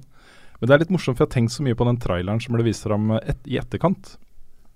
Um, og det er liksom Ok, det er Norman Reedus i hovedrollen, uh, og de skulle jo jobbe sammen med uh, Silent Hills, og så ble jo ikke det noe av. Mm. Um, men hvis man ser på den traileren, så er det så mye symbolikk der, og så begynte jeg å tenke det her Han prøver liksom å fortelle oss noe, ikke sant? Det, er, det, det handler kanskje ikke om spillet han lager, men mer om uh, noe han ønsker å formidle. F.eks. den babyen uh, som, uh, som Norman Reedus plutselig har, eh, som plutselig forsvinner. Det kan jo være liksom Metal Gear Solid 5 eller Metal Gear-serien. Eh, det arret han har i magen, ikke sant? babyen er tatt ut av magen hans, kan jo være et tegn på at liksom uh, Kojima uh, bærer med seg liksom arr fra den opplevelsen fortsatt. Mm. Mm. I håndjerna. Håndjernet, ikke sant. Han har det fortsatt på seg, men han er jo tatt fra nå, ikke sant. Han har eh, blitt sluppet fri, på en måte. Og så de svevende menneskene som kommer på slutten, oppe i himmelen. Det ser for meg liksom alle fansen som liksom står der og venter på at han skal lage et nytt vest mesterverk, liksom. og, så den der, og de kommer nærmere og nærmere, ikke sant. Ja. Mm. Jeg, jeg tolker det der veldig som en sånn der, bare en personlig melding fra Kojima til folk, da. Ja. Mer enn en beskrivelse av hva spillet handler om. Kanskje. Det Ja, kanskje. Jeg, vet, jeg har ikke peiling. Jeg, altså. jeg klarer for- f.eks. ikke å tolke de døde fiskene, men Det sto, jo, det sto jo et sånt sitat i starten. Var ikke Mm. det knytta til noe med ødeleggelse av verden og et eller annet sånt ting også? ja, kanskje. Um, Jeg husker ikke det sitatet. Nei. De burde jo selvfølgelig hatt en her nå, da. Men um, Så var det noe uh, algoritmer eller sånt på de uh, dogtags hans, var det ikke også, det også? Det er helt sikkert ting som det går an å dissektere der. Mm. Jeg vet ikke, jeg. Altså. Nei, det var mye små hint. Mm. Jeg syns bare det var en utrolig kul måte å, å reintrodusere seg selv på. Mm. En veldig effektiv eh, At uh, Fikk liksom tankegreiene til å gå litt. Rann. Men ja, én liten ting jeg satt og tenkte på, da. Blir ikke han liksom Han blir jo behandla som en gud eller rockestjerne. Altså Måten han liksom kom ut der på og ting og tang, så var det veldig sånn Han blir ikke fora egoet hans litt mye av? Det er jo mange som hevder at egoet hans er ganske stort. Ja. At det er ganske vanskelig å jobbe med han Ja. og for han. Ja. Um, men han slipper unna med det når han lager uh, ja da. bra skitt, liksom. Ja da. Mm. Det er jo mange, mange av de Ja. mest kreative menneskene i verden er jo drittsekker av en annen dimensjon. Det var liksom sånn som han er ene um, Sony-duden som kom ut. Andy House, var det det han heter? Ja. uh, og presenterer Kojima. Han har pleid å holde lange taler sånn på Sony sin pressekonferanse før, og nå kommer han ut og basically bare Bare for å introdusere Kojima. Og kommer ned med den der plattingen der. og hvis han skulle fulgt de lysene, så hadde det vært enda mer Da hadde vært, måtte han gått mye saktere. Ja. Og det hadde blitt enda mer sånn herre Her er jeg, liksom. Og da, det tror jeg faktisk hadde blitt enda verre sånn utseendemessig, da. Ja, det var Um, kjempemorsomt hvis du går tilbake og ser den, announcement-videoen der hvor eh, Sony forteller at, uh, at de har uh, snappa opp Kojima eh, Mm. sitt eh, nye spill. Den derre barnslige gleden som Ja, er, Ja, det smilet til Ja, han. det smilet, og du, du Ja, bare kjenner, han ser at det bobler. er Å ja, vi har gira, klart liksom. å lage med oss. Men det skjønner jeg godt. Da. De har jo startet samarbeid med kanskje en av de liksom Om ikke dyktigste, så i hvert fall en av de mest notoriske innen eh, spill- og og gamedesign. Da. Altså Kojima er jo en, en, eh, en spillutvikler som, som det er delte meninger om, og det er bra, mener jeg da. Um, han, eh, han er eh, kompromissløs. Altså Han lager de tingene han har lyst til å lage, og som er viktig for han personlig. Eh, han lager ikke spill etter fokusgrupper og, og sånne ting, og da får du ofte mye mer interessante ting. Så hvis det da først treffer deg, så treffer det innmari bra. Mm. Og hvis det ikke treffer, så treffer det ikke i det hele tatt. Nei. Men det er jo, det er jo sant om, om all kunst, på en måte. Mm. Um, det er jo opp til de som, eh, som tar imot kunsten og tolker det, Og å bestemme om det er bra eller ikke, på en måte. Så, så jeg, derfor er jeg veldig glad i han. Ja. I tillegg til selvfølgelig at treffer meg personlig veldig hardt, Ja. ikke sant. Så ja. Mm. ja da. Nei, det blir eh, kult å se hva det spillet er. Selv om det var veldig Vagt. Eh, Ja. Det var jo bare masse Du kan sikkert tolke det i veldig mange veier. Mm. Og så ble det jo uh, annonsa to nye konsoller fra Microsoft. Det var heller ingen bombe. Det Mm. visste vi jo på forhånd. Um, og det er jo kjempeinteressant å se nå hvordan de kommer til å behandle disse to konsollene i forhold til hverandre og i forhold til PC. Fordi uh, dette er jo litt en del av kongstanken til uh, Microsoft om å få alle devicer til å installere Windows 10 uansett om de vil eller ikke. Sånn at de kan snakke med hverandre på best Mm. mulig måte. Men det var også veldig mange argumenter for å ikke kjøpe Xbox One som det er nå. Ja, jeg, jeg tror de kommer til å få et lite problem med å overbevise folk uh, til å kjøpe Xbox One S, som kommer til høsten. Som jo er, den er 40% mindre, og kanskje den mest sexy spillkonsollen jeg har sett noen gang. Jeg, jeg digga utseendet på den. Um, og Den kommer til å være liten og nett, og strømforsyninga er intern. og uh, Det er til og med gjort noen forbedringer i den som gjør at du kan forbedre draw distance i spill og litt sånne ting. Men uh, ingen sånn game-breaking ting. Det er, det er ikke noe uh, Ja, det vil bare fungere der. Ja. På samme måte som det vil på Xbox One, men kanskje se bitte litt grann penere ut. da Um, det er en konsoll de har lyst på, men så går det da bare ett år, litt over et år, så kommer uh, det de kaller nå Project eh, Scorpio, som er deres neste konsoll, som skal være uh, rundt fire ganger raskere enn den nåværende Xbox One. Den har seks teraflops. Ja, Ja. Mm. Eller var det, var det, var det Det seks? det er det seks, eh, Ja, seks teraflops. Ja, okay. Mm. Men er, er det technobabble? Er det, hva er en teraflop? Jeg, jeg har altså, ikke peiling, jeg det, vet ikke. Det er jo en faktisk begrep. Ja, det er ikke så viktig. Vi Eh. trenger ikke å snakke om det. Men poenget er at de gjør det samme som Sony gjør nå. For de lanserer jo sin Nio til høsten, uh, som er kraftigere maskin, men den er kraftigere for å kunne støtte 4K og VR bedre Mm. enn den nåværende PS4. Mm. Og Sony er jo eh, klokkeklare på at det ikke skal komme eksklusive spill til Nio. Og det er Microsoft også. Ja. Uh, men det ser ut som om uh, Scorpio er uh, vesentlig mye kraftigere enn den nåværende Xbox One. Jeg, jeg skjønner ikke, Fristelsen for å lage ting som bare fungerer der, må jo bli stor. Mm. Jeg, jeg, jeg vet ikke helt om jeg tror på dem når de sier det, men de har vært veldig klare på det under etere.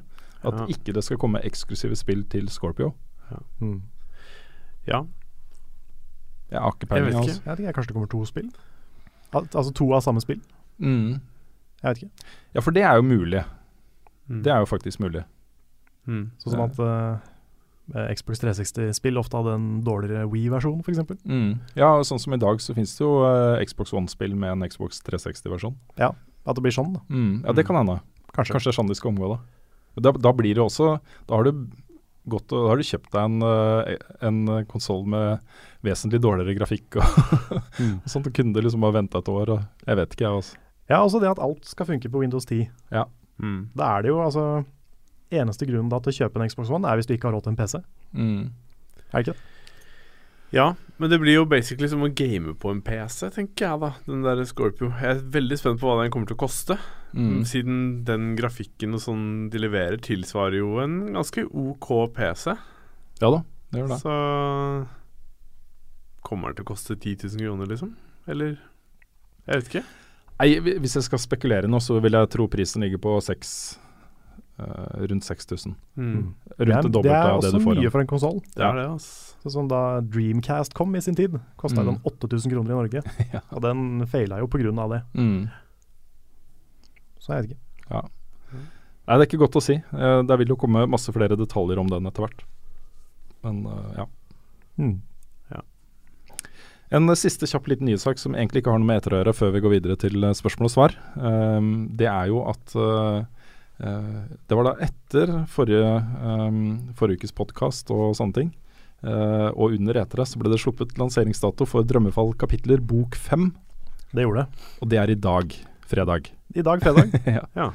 Vi Det- visste jo at det skulle komme, fordi uh, de har jo sagt over lengre tid at de jobber med siste finpuss og uh, sitter og eh, prøver å få ut eh, en bild eh, som fungerer og, og sånne ting. Så vi visste at det var rett rundt hjørnet. Eh, Mm. Men de slapp jo ikke datoen før de var helt sikre.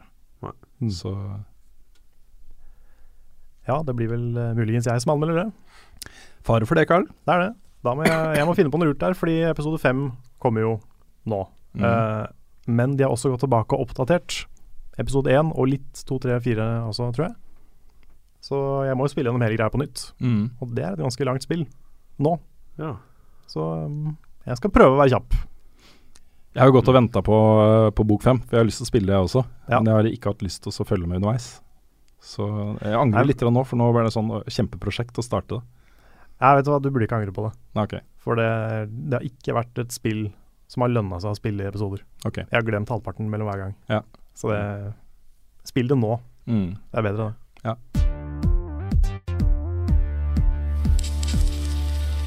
Det er tid for spørsmål og svar, og vi eh, begynner med noe fra deg, Rune. Ja, vi gjør det. Fra Kristoffer Finjarn på Patron. han eh, spør hvordan synes dere at E3-streamen deres gikk, og har dere noen planer for neste års E3? Personlig likte jeg veldig godt de E3-streamene dere hadde. Takk for det. Tusen takk. Um, vi hadde jo ikke noe sånn voldsom planlegging i forkant. Det vi visste, var at vi ville, ville det skulle være litt sånn eh, sofakos med kompiser som sitter og kommenterer etere. Eh, og at vi skulle prøve så godt vi kunne å, å kommentere det som profesjonelle spilljournalister i etterkant. Mm. Uh, men at kosen skulle være viktig, da. Um, jeg vet ikke, eh, vi har jo muligheten til å utvide det til neste år. Gjøre litt mer ut av det. Ja. Jeg syns det, det gikk ganske bra. Mm. Vi hadde ikke sånne voldsomme tekniske problemer underveis. Det er sånne små ting vi kan fikse på til neste år. F.eks. så var videoen eller webkamera var litt ute av synk. Mm. Eh, og det er fordi webkameraer og lyden var fra to forskjellige signaler, ikke sant. Så hvis vi klarer å koble de sammen på en eller annen måte, Mm. Mm. at lyden går gjennom det kameraet vi bruker, Ja. så slipper vi det. Mm. Nettopp. Så eh, det er en ting vi kan fikse. Um, kanskje til og med flerkameraproduksjon, hvis vi får til det. Mm. Og, ja, det er litt sånne små justeringer som Og så hadde det vært veldig kult selvfølgelig å hatt noen på E3. Ja, det har- håper jeg vi får til. Å ha i hvert fall én person med et GoPro-kamera på hodet eller noe sånt. Du kan sende livesignaler tilbake til oss. Ikke sant? Mm. Så eh, ja, det hadde vært kult å få til det også. Men uh, alt i alt så er jeg veldig fornøyd. Jeg syns det, var, syns det var gøy, og jeg syns vi fikk dekket det på en bra måte. Mm. Og særlig når vi kommer nå i etterkant med denne podkasten her, hvor vi får oppsummert litt med nyhetsmagasinet og med uh, nedklippa versjon av alle streamene som egne videoer. Med video fra spillene vi snakker om og sånne ting også. Så uh, er det en ganske tung dekning. Det er det. Det vi mangler er jo intervjuer med utviklerne, for vi er jo ikke der. Og I noen tilfeller så er jo det synd. Man kunne fått noen eh, bra intervjuer. Men uh, ofte så er det vel så interessant å bare synse litt om spillene på egen hånd. Jeg føler det å, det å prøve spilla som sånn hands on på E3, det gir meg ofte ikke så mye. Nei. For er er, du får som regel ikke mer enn fem minutter. Og du klarer ikke å skape noe inntrykk på fem minutter. Mm. Så um, Jeg, jeg spilte jo Star Fox eksempel i fjor. Star Fox Zero. Og visste ikke hva jeg skulle si om det etter å ha spilt det i ti minutter. Jeg rakk ikke å bli vant med kontrollsystemet engang, liksom. Mm. Så ja. Jeg føler vi får liksom Vi får mye ut av etere uten å være der. Mm. Det gjør vi. Og så var som vi var inne på i stad også, så var jo chatten super ålreit. Mm. Det var en uh, veldig sånn hyggelig community hele veien. Så det var kjempebra. Det er litt sånn oppfølgingsspørsmål fra Pål Lone. Um, han uh, lurer på om vi har tenkt til å ha lignende livestudiosendinger på andre større annonseringer, f.eks. Gamescom, gjennom året. Og Det er det jo absolutt mulig vi kan gjøre. Det er det. Det er jo mange svære events og sånn som det går an å, som har livestreams, uh, som det er mulig å sitte og kommentere i etterkant. Mm. Er det så veldig spennende livestreamer på Gamescom? Ja, det er keynotes. Det hender det, det? det? kommer en del store nyheter der. Så Mm. Vi får følge litt med, se hva som kommer. Så er det jo PlayStation Experience. Den er ganske Mhm. stor. Ja. I oktober-ish, er ikke det? Ja, og så er det GDC uh, på vinteren, sånn type mars. Mm. Så det skjer ting. Det gjør det. Mm. Uh, ja, Uh, vi har et uh, ukens Sinfor. Det må noen andre ta etterpå, sånn at, vi, sånn at jeg kan finne musikken. ja. Eh, men jeg kan hoppe til eh, Skal vi se. Christian Haugland spør hva håper dere Selda Wii U har å tilby? Orkester-soundtrack, en companion som Navi eller Midna, Ganon som skurk, få items som kan brukes til veldig mye forskjellig, etc. Er det ikke bekrefta at uh, hvis du har uh, en Wolf Amiboen, så kan jeg være følgesvenn øh, for Link i spillet? Eller er det bare noen som har spekulert i det? Nei, det vet jeg ikke. Nei, jeg er litt usikker. Jeg mener jeg leste noe om det tidligere i dag. Ok, Så kanskje. kanskje. det nå. Mm. Men jeg håper jo vi får Ganon. Mm. Jeg savner Ganon. Det er liksom Han er sånn klassisk han, han er, Det er litt ekstra Selda når han er med. Mm. Jeg håper vi får liksom hele Triforcen. Link, Selda Zelda og Ganondorf. Ja. Det, det håper jeg. Jeg har ikke noen sånn konkrete ønsker. Jeg. Jeg, det jeg vil ha av et Zelda-spill, er, øh, er uh, interessante steder å være, kule ting å gjøre. Uh, en sånn progresjon som vokser og vokser. Mm. Uh, den type ting, da. Ja, jeg håper ikke det at det er open world går på bekostning av det andre. Nei, det, det gjør ikke jeg heller. Jeg vil ha en story her, liksom. Jeg vil ha en progresjon på et eller annet vis.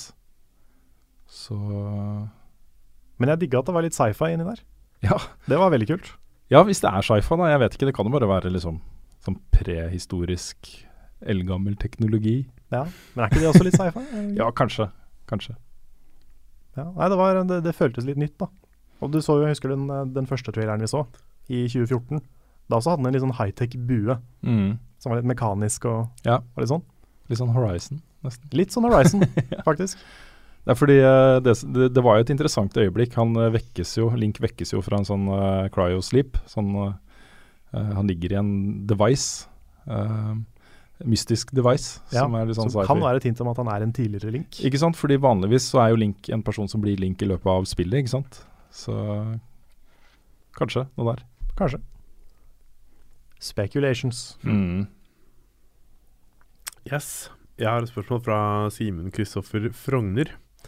Han skriver Hei, jeg har hatt en diskusjon med broren min om lineære spill. Jeg mener det er bra med lineære spill i ny og ne, men han mener at alle spill skulle ha vært sandbox-spill. Hva tenker dere om dette? Det er et veldig bra spørsmål. Mm. Mm. Og det er, det er vel kanskje en av de største diskusjonene blant spillinteresserte. Uh, om eh, ekskluderer det ene det andre. Eh, kan man like begge deler? Eh, er det bare ene tingen som er bra? Mm. Jeg elsker f.eks. å høre på Jon Cato snakke om uh, Uncharted i, uh, i Lolbua. Han er jo, han hater det. Han syns Ja. det er pyton. Ja. Og nettopp fordi det er for lineært og han føler ikke at han har noen reelle valg. Mens jeg elsker det fordi det er en veldig sånn filmatisk opplevelse som jeg trekkes inn i fordi jeg bryr meg om rollefiguren og Mm. eh, får sånne ekstreme actionopplevelser. da. Mm. Eh, så så det, er, det er jo to retninger på en måte innen spill som, uh, som er veldig forskjellige fra hverandre. Mm. Ja, er vanskelig, eh, ass. Jeg er generelt der at jeg syns jo mer forskjellig vi har, jo bedre. Mm. Jeg syns ikke spill burde behøve å liksom eh, conforme til en oppskrift. Jeg syns jo mer forskjellig vi har, jo bedre. Mm. Og det er jo mange som eh, liker å snakke dritt om sånn walking simulators og sånne ting. Mm. Jeg synes bare ikke spiller. Ja. De er det. Jeg syns, de er kule, ofte. Mm. Jeg synes Firewatch Ja. er et dritbra spill. Mm. Selv om ikke du nødvendigvis gjør så mye i det, så er det en opplevelse, liksom. Mm. Ja. Du får tid til å tenke mye mens du går rundt, da. Ja. Jeg tenker også fordi Uncharted elsker jeg, jeg jo også. Det er vel kanskje det mest typisk lineære storspillene du finner, kanskje. Også, men så elsker jeg også Skyrim, GTA Altså ting som på en måte er veldig open world også. Mm. Så um, jeg vet ikke. Jeg, jeg har ikke lyst til å ekskludere det ene eller det andre, i hvert fall. Nei, ikke jeg heller, i det hele tatt. ja. Mm. Det, er jo, det har jo skjedd noe med spill med det også, fordi eh, hvis man ser tilbake på de første Tomb Raider-spillene f.eks., som jo er veldig beslekta med Uncharted, Mm. Eh, så var det jo mange sekvenser der hvor du kommer inn i et nytt område, og du er, det er virkelig sånn du aner ikke hva du skal gjøre for å komme deg videre, og så må du begynne å eksperimentere og prøve deg fram og uh, være veldig delaktig selv. Da. Det er ingen som holder deg i hånda eller viser deg hvor Mm. du skal, eller uh, hvilke steder du kan hoppe til, og hvilke steder du ikke kan hoppe til. Så etter å ha klart en sånn sekvens, Mm. så eh, eh, vekkes det noen følelser i deg som er ganske sterke. Du husker det veldig godt fordi du har brukt mye tid på det, og fordi du føler deg flink som har klart det og sånne ting. Mm. Eh, og det er jo litt synd at eh, akkurat det elementet eh, i ganske stor grad blir uh, litt viska bort, da. Eh, jeg, er, eh, jeg er ikke helt sikker på hva jeg ville foretrukket, hvis jeg måtte velge. Også et spill hvor eh, man må være veldig aktiv selv for å finne ut av ting. Eller et spill som gir en ekstremt god historie og en veldig sånn eh, regissert, fet opplevelse. Mm. Jeg liker begge deler, men jeg savner litt den derre Ja. Jeg også har jo trender som jeg liksom setter mer pris på enn andre. Men sånn helt generelt da, så tenker jeg at jo flere forskjellige opplevelser vi har, jo bedre er det for Ja. spillmediet. Det tror jeg også. Det er liksom grunntanken for meg. Mm. Så alt er velkommen, alt er et spill. Det er en sånn annen diskusjon som jeg syns er teit. Hva er og hva er ikke et spill? Ja. Alt er et spill. Ja, ta et spill som Gone Home, f.eks., Mm. som jo er en walking simulator. Ja, det er jo det. Det, du går jo bare rundt og leser ting og plukker opp ting og ser på ting og Mm. hører på eh, monologer og sånne ting, liksom. Ja. Men uh, gjennom den opplevelsen så dykker du ned i et annet eh, fiktivt menneskes liv og uh, får et innblikk som, som blir liksom mer og mer interessant det er jo lenger ut i spillet du kommer. Mm. Ja, så er det et spill som leker med forventningene dine. Mm. Mye forskjellig. Ja. Og det, det er mye bra der. Mm. Og det viser jo bare hvor, eh, hvor mye man kan få ut av et medie. Mm. Uh, Henrik Gjerpseth spør hva, er det, hva var det kleineste øyeblikket under årets E3 hvor dere satte spørsmål ved menneskets eksistens? da jeg så den dansende sjiraffen under Ubisoft-showet, tenkte jeg herregud, glad jeg sitter her aleine og ser på. Super E3-dekning dere hadde. eh, Flinke og inkluderende programledere med varme hjerter. Det var veldig koselig. Takk for det. Tusen takk. Ja. Kleineste øyeblikket? Det var ikke så kleint i år som det har vært før. Nei, det var ikke det. Nei. Og jeg syns på en måte mange av de kleine øyeblikkene var kleine med vilje, og da blir det på en måte gøy. Så akkurat de dansende sjiraffene og sånt, det, det vet jeg. Det er en sånn derre eh, Hvordan skal vi starte showet vårt? Nei, vet du hva, bare la oss gjøre det. Vi bare gjør det. Vi bare sender ut noen dansende sjiraffer og løver og sånt, og så, og så kan vi le litt av det, vi også. Så ja. har alle det gøy. det, det plaga ikke meg. jeg syns det var liksom Ja ja, dette er Ubisoft, kult. Mm. Vi kjører på. Ja, jeg vet ikke. Det er ikke så veldig kleint øyeblikk det her heller, da, men det var jo um, også på Ubisoft-pressekonferansen hvor de satt og spilte uh, dette Star Trek-spillet. Uh, hvor da det satt uh, Nei, ikke Star Trek, det var det Flight, uh, Eagle Flight. Ja, ja. Uh, VR-spillet hvor du uh, Sånn capture the Ja. flag-spill. ja, han ene var så blid. Ja, det var mer det at uh, når du så på de sitte der med VR-headsetet sine alle sammen, og så, så så det litt sånn corny ut. Ja, jeg lo av det. Jeg synes det, det var sånn morokleint. ja. Det. Spesielt han ene i den røde T-skjorta, som var, bare så ut som han var i himmelen. ja. Bokstavelig talt. Nettopp. Så ja. Så var det jo kleint vi snakka om det, eh, de som spilte eh, Ghost Recon. Ja, det var det jeg skulle si. Ja. Det er det desidert kleineste for min del. Og den eh, demonstrasjonen av Minecraft. Ja, det også var ganske kleint. Det var veldig ja. kleint. Ja. Det var sånn skripta banter, Mm. hvor de liksom skulle være morsomme og liksom tulle med hverandre. Ja. Men det var tydelig innøvd. Ja. Og det funker dårlig, altså. ja. Ja, jeg syns kanskje den var verst. Minecraft? Ja. Ja. Jeg har et eh, spørsmål her fra Isak Aune Hagen. Uh, Hva tror dere foregår hos Sucker Punch for tiden? Flere rykter sier at de jobber med et prosjekt med åpen verdensstil. Etter at det fortsatt ikke kom noe nytt rundt Sly Cooper, tror dere det kan være en mulighet for at Sucker Punch tar tilbake serien og lager Sly 5? Folk som meg, som eh, er investert i serien og som fikk med seg cliffhangeren fra Sly 4, vil nok ikke dø lykkelig om vi aldri får noen oppklaring i hvordan det går med verdens kuleste vaskebjørn. Selv om vaske fra Fritt Frem var ganske kul. Jeg har ikke sett Fritt Frem. Nei, ikke jeg heller. Uh, nei, det er jo en god uh, teori at uh, det er det de jobber med. De har jo lagd Infamous-serien og gjort en del andre ting. Um, nå har det vært stille fra de på en stund. Og jeg tenker nok, i hvert fall nå som nye Ratchet Clank-remaken gjorde det ganske bra, Hmm. um, og det har blitt litt sånn der revival for den type sjanger, så er det nok rom for å vende tilbake til Sly-serien, tror jeg.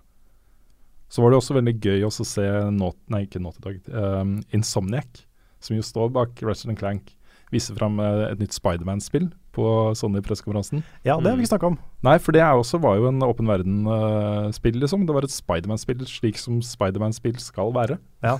Jeg er så positiv til at de gjør det utenom en film. Ja. For da har det potensial til å bli bra. Ja, for du får sin helt egen historie som er skrevet for spill og Mm. Ja. Det blir ikke rusha ut for neste Spiderman-film, liksom. Nei. Det er kjempekult. Ja, det så kjempestille ut.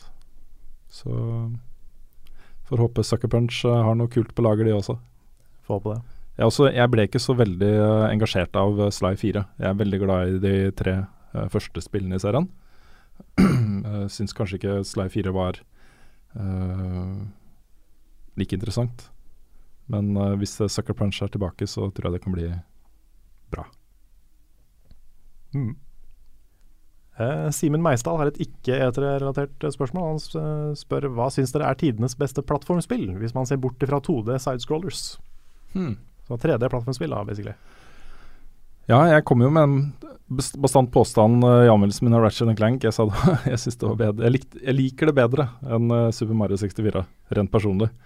Um, men det, objektivt sett så er kanskje Super Mario 64 svaret mitt.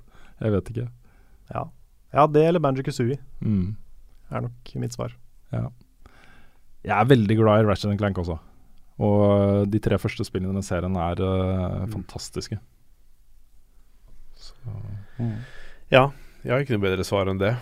Jeg, har, jeg er mer på Ratchet Clank sjøl enn jeg er på Super Mario. Super Mario 64 har jeg ikke spilt engang, så Nei, det, Det er et hull. Det er et hull. Det er et Ja. hull. Og så var jo eh, Jack and Daxter det første. Var også eh, kriminelt bra. Det, Mm. var, det var bra, altså. Mm. Ja, har vi et, uh, et nytt spørsmål? Ja, forresten Um, Jeg vet ikke om dette her bekrefter det direkte, men Helene Wu skrev jo det om hva du syns dere om at man kan ha med seg Wolf Link gjennom hele reiser i Selda, om man har en slik Amibo. Så det var vel kanskje en slags Ja, bekreftelse på at det, Ja, det er mulig. faktisk kan det. Ja, jeg vet ikke. Um, det ligger en link til en video her også, men den får jeg ikke sett. Så Ok. Ja, nei, jeg går ut fra at ikke det er den faktiske Wolf Link, for det hadde jo vært rart. ja, det hadde vært litt rart. Men det er vel en sånn liten minion Altså, Ja, du får kanskje, det kan, det kan hende sånn at det kan eh, løses eh, storymessig. At det er Kanskje. mm. Men, Kanskje du eh, gjennom uh, nye Selda gradvis liksom uh, får hjelp fra flere og flere av de gamle link, andre linkene. Kanskje. Så er det en liten hær av linker som Ja. Det har jo vært cameos fra andre linker i andre spill. mm. Han uh, svære skjelett uh, Stalfos Warrior i Twilight Princess er jo A Queen of Time Link, okay. for eksempel. Ja. Så maybe. der kan du se. Ja. mm. Men det kan hende at f.eks. Um, du ikke har en fast companion i eh, det spillet her, men at du kan velge hvordan det skal se ut. Mm. At du ikke har en Navi, men du har mange. Mm. Ja, det, det er mulig. Jeg vet ikke. Det er kult, det, da. Bare Mm. spekulasjoner, i så fall. Kanskje du kan ha Ganondorf som uh, companion? Kanskje det. En mini sånn chibi Ja, ja, ja, ja. Mm. ja. Eh, Et spørsmål er fra Nils Fredrik Andersen på Patreon. han skriver på etere viste Ubisoft frem Ghost Recon Wildlands som så veldig bra ut. Men kan det forventes at spillet kommer til å se like pent ut, eller burde en forvente en downgrade? Ubisoft har jo lurt oss i anførselstegn flere ganger tidligere med bl.a. Watchdogs, Far Cry 4, Rainbow Six Siege og nå sist The Division. Det er vel ikke annet enn naivt å tro at Wildlands ser slik, uh, ser slik det så ut på fremføring, fremføringen. Jeg vet ikke. Det er jo en eh, etablert praksis å, å vise fram spillet Altså Argumentet deres er at de viser det fram så bra som de tror det kommer til å bli når de er ferdig med det. For de er jo ikke ferdig med det. Det skal jo optimaliseres og de skal finpusse det, og målet deres er å få det til å se sånn ut. ikke sant? Mm. Og så finner du ut da eh, en måned før lansering at Vent litt, vi klarer ikke å løse den buggen her, liksom. Vi må, vi må nok downscale det litt, og så blir det Det er argumentet da, for at de gjør det på den måten. Fordi Mm. de tror oppriktig liksom at det skal komme til å se sånn ut. Mm. Men uh, jeg vet ikke. Jeg følte jo at gameplay-biten der antageligvis kommer til å bli ganske lik. Jeg syns ikke den var sånn der ekstremt imponerende visuelt. Den var ikke Nei, det skal jeg si meg helt enig i. Det så liksom helt, helt OK ut. Det var ikke Mm. noe sånn at jeg tenkte at wow, dette var insane. Ja, for der tenkte jeg når jeg så det, Um, at eh, her har de måttet liksom skalere litt ned for å få den detaljrikdommen og den eh, størrelsen på kartene og Mm. sånne ting. Mm. Mm. Men det var fin fargebruk og sånn, syns jeg. Ja, det var det. Ja. Det var, det var mer sånn pent å se på, syns jeg, enn det første Watchdogs. da. Mm. Det var litt gråere. Men jeg følte også Ubisoft gjorde det generelt på de andre spillene sine også. At de viste frem eh, en god del mer gameplay. Og sånn som når du så Watchdogs 2, så så jo ikke det i nærheten av så pent ut som de første eh, trailerne eller tech-demoer og hva det heter for noe som vi så. Nei, det er sant, det. Så kanskje de har lært litt av uh, ting de i hvert fall har gjort feil med Watchdogs 1, Mm. og skjønner at det bør være litt mer realistisk, da. De hadde jo et par år hvor de havna mye i trøbbel. Både Mm. for det med Watchdogs og for at Assassin's Creed Unity var uferdig Mm. og sånne ting. Mm. Kan hende de har lært noe. Og så er det jo sånn at eh, nå eksisterer det f.eks. et spill som heter Uncharted 4, som viser oss hva som faktisk er mulig å få til på, på en PlayStation 4, eller på en konsoll. Ja. Det ser jo latterlig lekkert ut. Det ser minst like pent ut som alt annet som ble vist fram på årets E3, sånn Mm. visuelt. Mm. Så hvis noen viser fram den type grafikk på E3, så er det ikke sånn at jeg umiddelbart tenker eh, det er ikke mulig. For det er jo mulig. Ja. Det er noen som har fått det til. Mm. Ja, absolutt. Nei, jeg, jeg vet ikke. Jeg, jeg følte i hvert fall at Ubisoft hadde mer nøktern eh, eh, Hva skal jeg si fremstillingen av spillet sin nå enn det det har uh, vært før. Mm. Så jeg tror det vil bli ganske tilnærma. Jeg tenkte på det når du gikk inn i bygget i starten der òg. Da var det en del sånn plakater og ting på utsiden.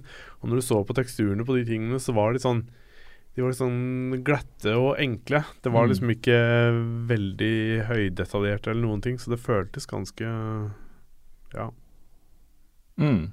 Mm. ja. I don't know. Kvalifisert gjetning. Ja, det er mye, mye Ja. av det vi sier nå, er jo bare spekulasjoner fra vår side. Det, Snakker ut av ræva, vet du. ja da, det er det vi gjør. Kanskje du skal finne fram ukens Sinfor-spørsmål, så Eh, det kan jeg godt gjøre. Ja, det er egentlig veldig Um, likt det vi nettopp svarte på. Oh, ja, okay. Men vi kan, vi kan ta det litt allikevel. Ok, Det er det øverste. Er du klar? jeg er klar, ja. Ja.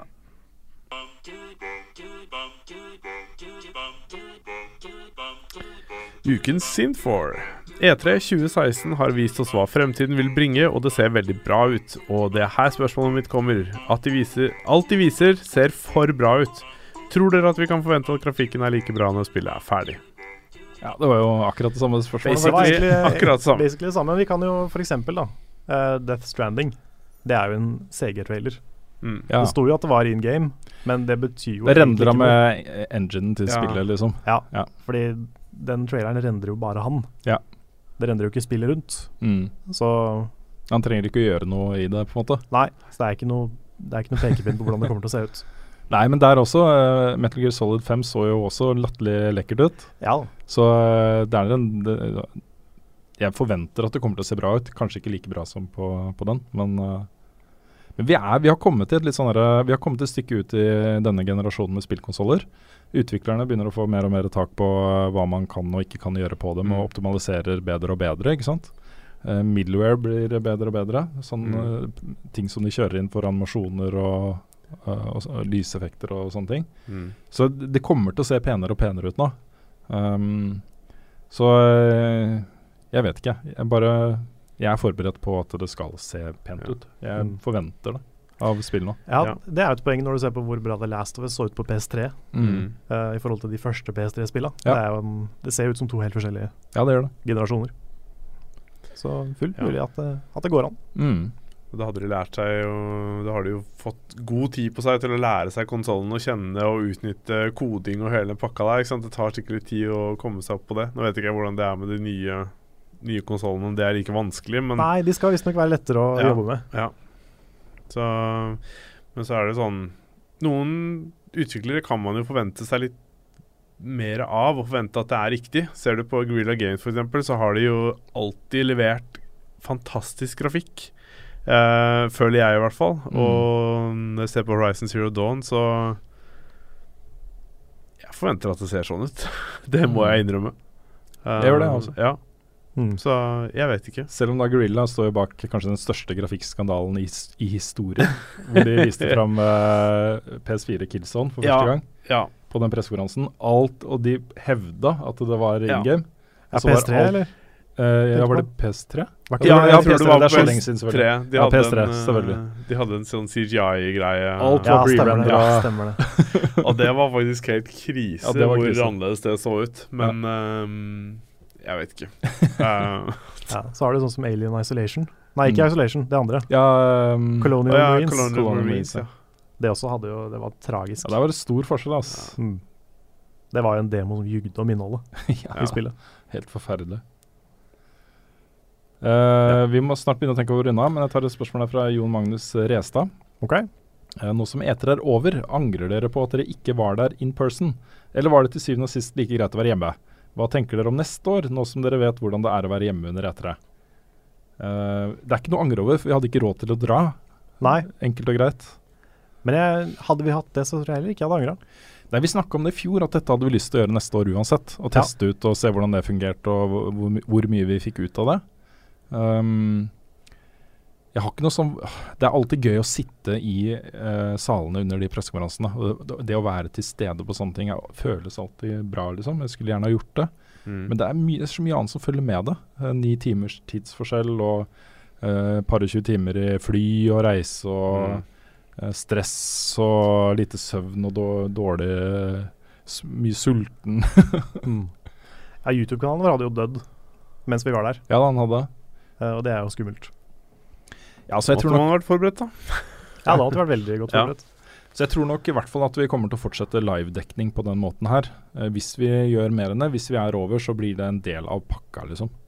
Eh, I tillegg til livedekking. Jeg vil si det var en ganske bra suksess i, altså i forhold til hvor bra community som var på streamen, som satt der og så på og fulgte med og tok del i hele pakka sammen med oss. liksom Når du så på all feedbacken og meningen din, så er det sånn Ja, jeg, eh, jeg syns det fungerte dritbra. Mm. Her er vi blant venner, liksom. Ja. Mm. Og folk elsket det jo. Altså, Ja, folk var fornøyde. Det er bra. Ja, jeg, jeg sier det fordi de satt jo der alle sammen hele tida med oss. Mm. Og da hadde det vært sikkert noen som ikke likte det, men det hadde ikke vært så mange der hvis ikke det hadde vært bra, da, tenker jeg. At folk ikke hadde likt det. Så jeg syns det var en fin måte å gjøre det på. Mm. En ting vi kunne gjort, da Dette er veldig sånn uh, snakke stort og, og drømmende, men uh, hvis vi hadde hatt penger til det, så kunne vi jo reist til USA, dekka det live fra et hotellrom, Mm. og så reist på messa og opplevd den. Mm. Det kunne gått an. Men det, Ja, det krever det en del cash. Ja, og ikke minst så krever det en bra internettlinje. Og det er, det er det ingen garanti for, nesten uansett hvor man er i USA. Så det må, hvis man Mm. klarer å finne ut av det, da, at man har en garantert bra linje til å kunne gjøre det, så hadde det vært det desidert kuleste å gjøre. Ja. Det hotellet vi var på i fjor, var OK, var ikke det? Jo. Ja, ikke så Der så vi på streamen uten, nesten uten lag. Den, Men, eh, hadde vi eh, klart å streame oss selv ut Ja. Nei, det er ikke hadde Jo? Fordi jeg hadde Jeg var med eh, Vi hadde jo en sånn videokonferansegreie um, som vi hadde før. Um, og da var jeg med på video fra det hotellrommet Ja, nettopp. i ca. en time der. Og mm. det var uh, top notch. Ikke noe problem i det hele tatt. Fungerte Fungerte veldig bra.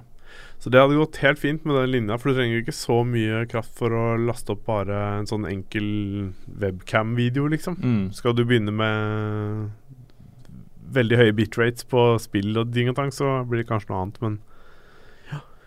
Tror det hadde gått fint, altså. Mm. Det er vanskelig å få dekket det live fra scenen. Ja, så- i fra, salen. Fra salen Det blir kanskje litt vanskelig, ja. Det er verre. Det er sånn herre Se her! Folkens! ja. må snu kamera og greier. Eller Ja. Eh, har vi tid til et spørsmål til? Jeg Vi tar det siste spørsmålet. Ja. Det er på mail fra Elias Rønningen. Han sier eh, Hei, i det siste halvåret har jeg, slitt, har jeg slitt med viljen til å spille. Jeg kan sitte og se på gameplay-trailere og bli megahypa, for så å bare spille én gang og legge det fra meg. Resultatet er dette at jeg nå har 200 pluss spill på Steam slash PS4 som jeg har én time spilt på hver. Har dere noen tips til hvordan jeg kan eventuelt eh, komme over kneika og fortsette å spille? Dette er jo et første verdensproblem. Ja, men jeg kjenner meg igjen.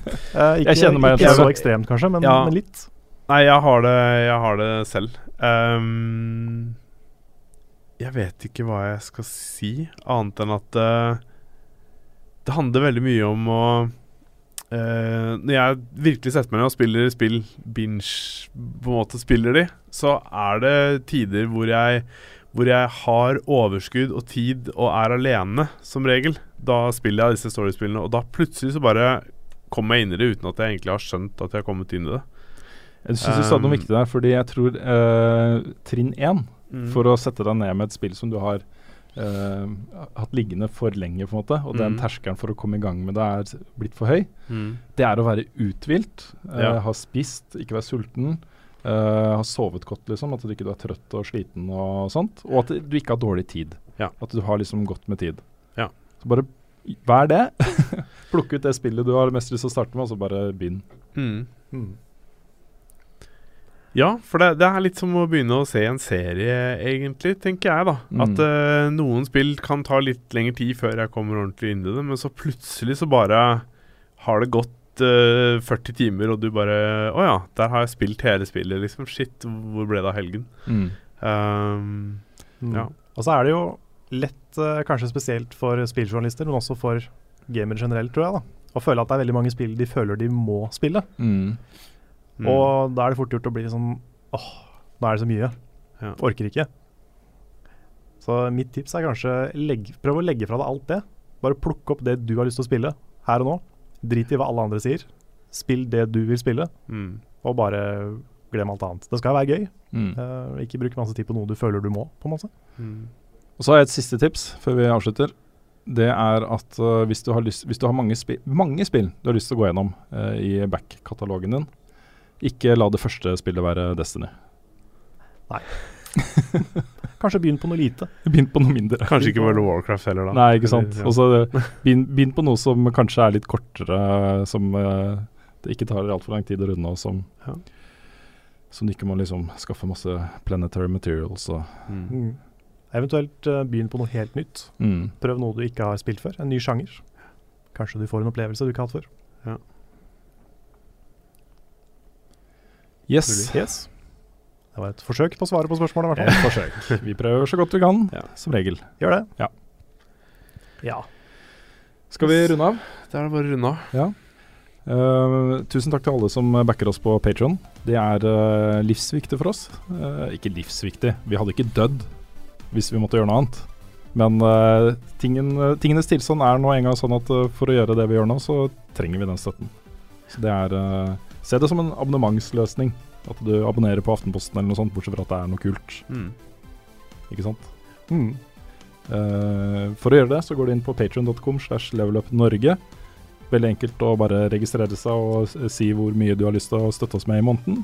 Og det trenger ikke være mye. Tier eller to eller tre eller 15, 20 i måneden. Mm. Yes. Ja. Det var det for, for i dag. Da avslutter vi med et sitat eh, fra et spill som vi nå har begynt med. Er dere klare? Jeg er så klar. What is a man? A miserable little pile of secrets.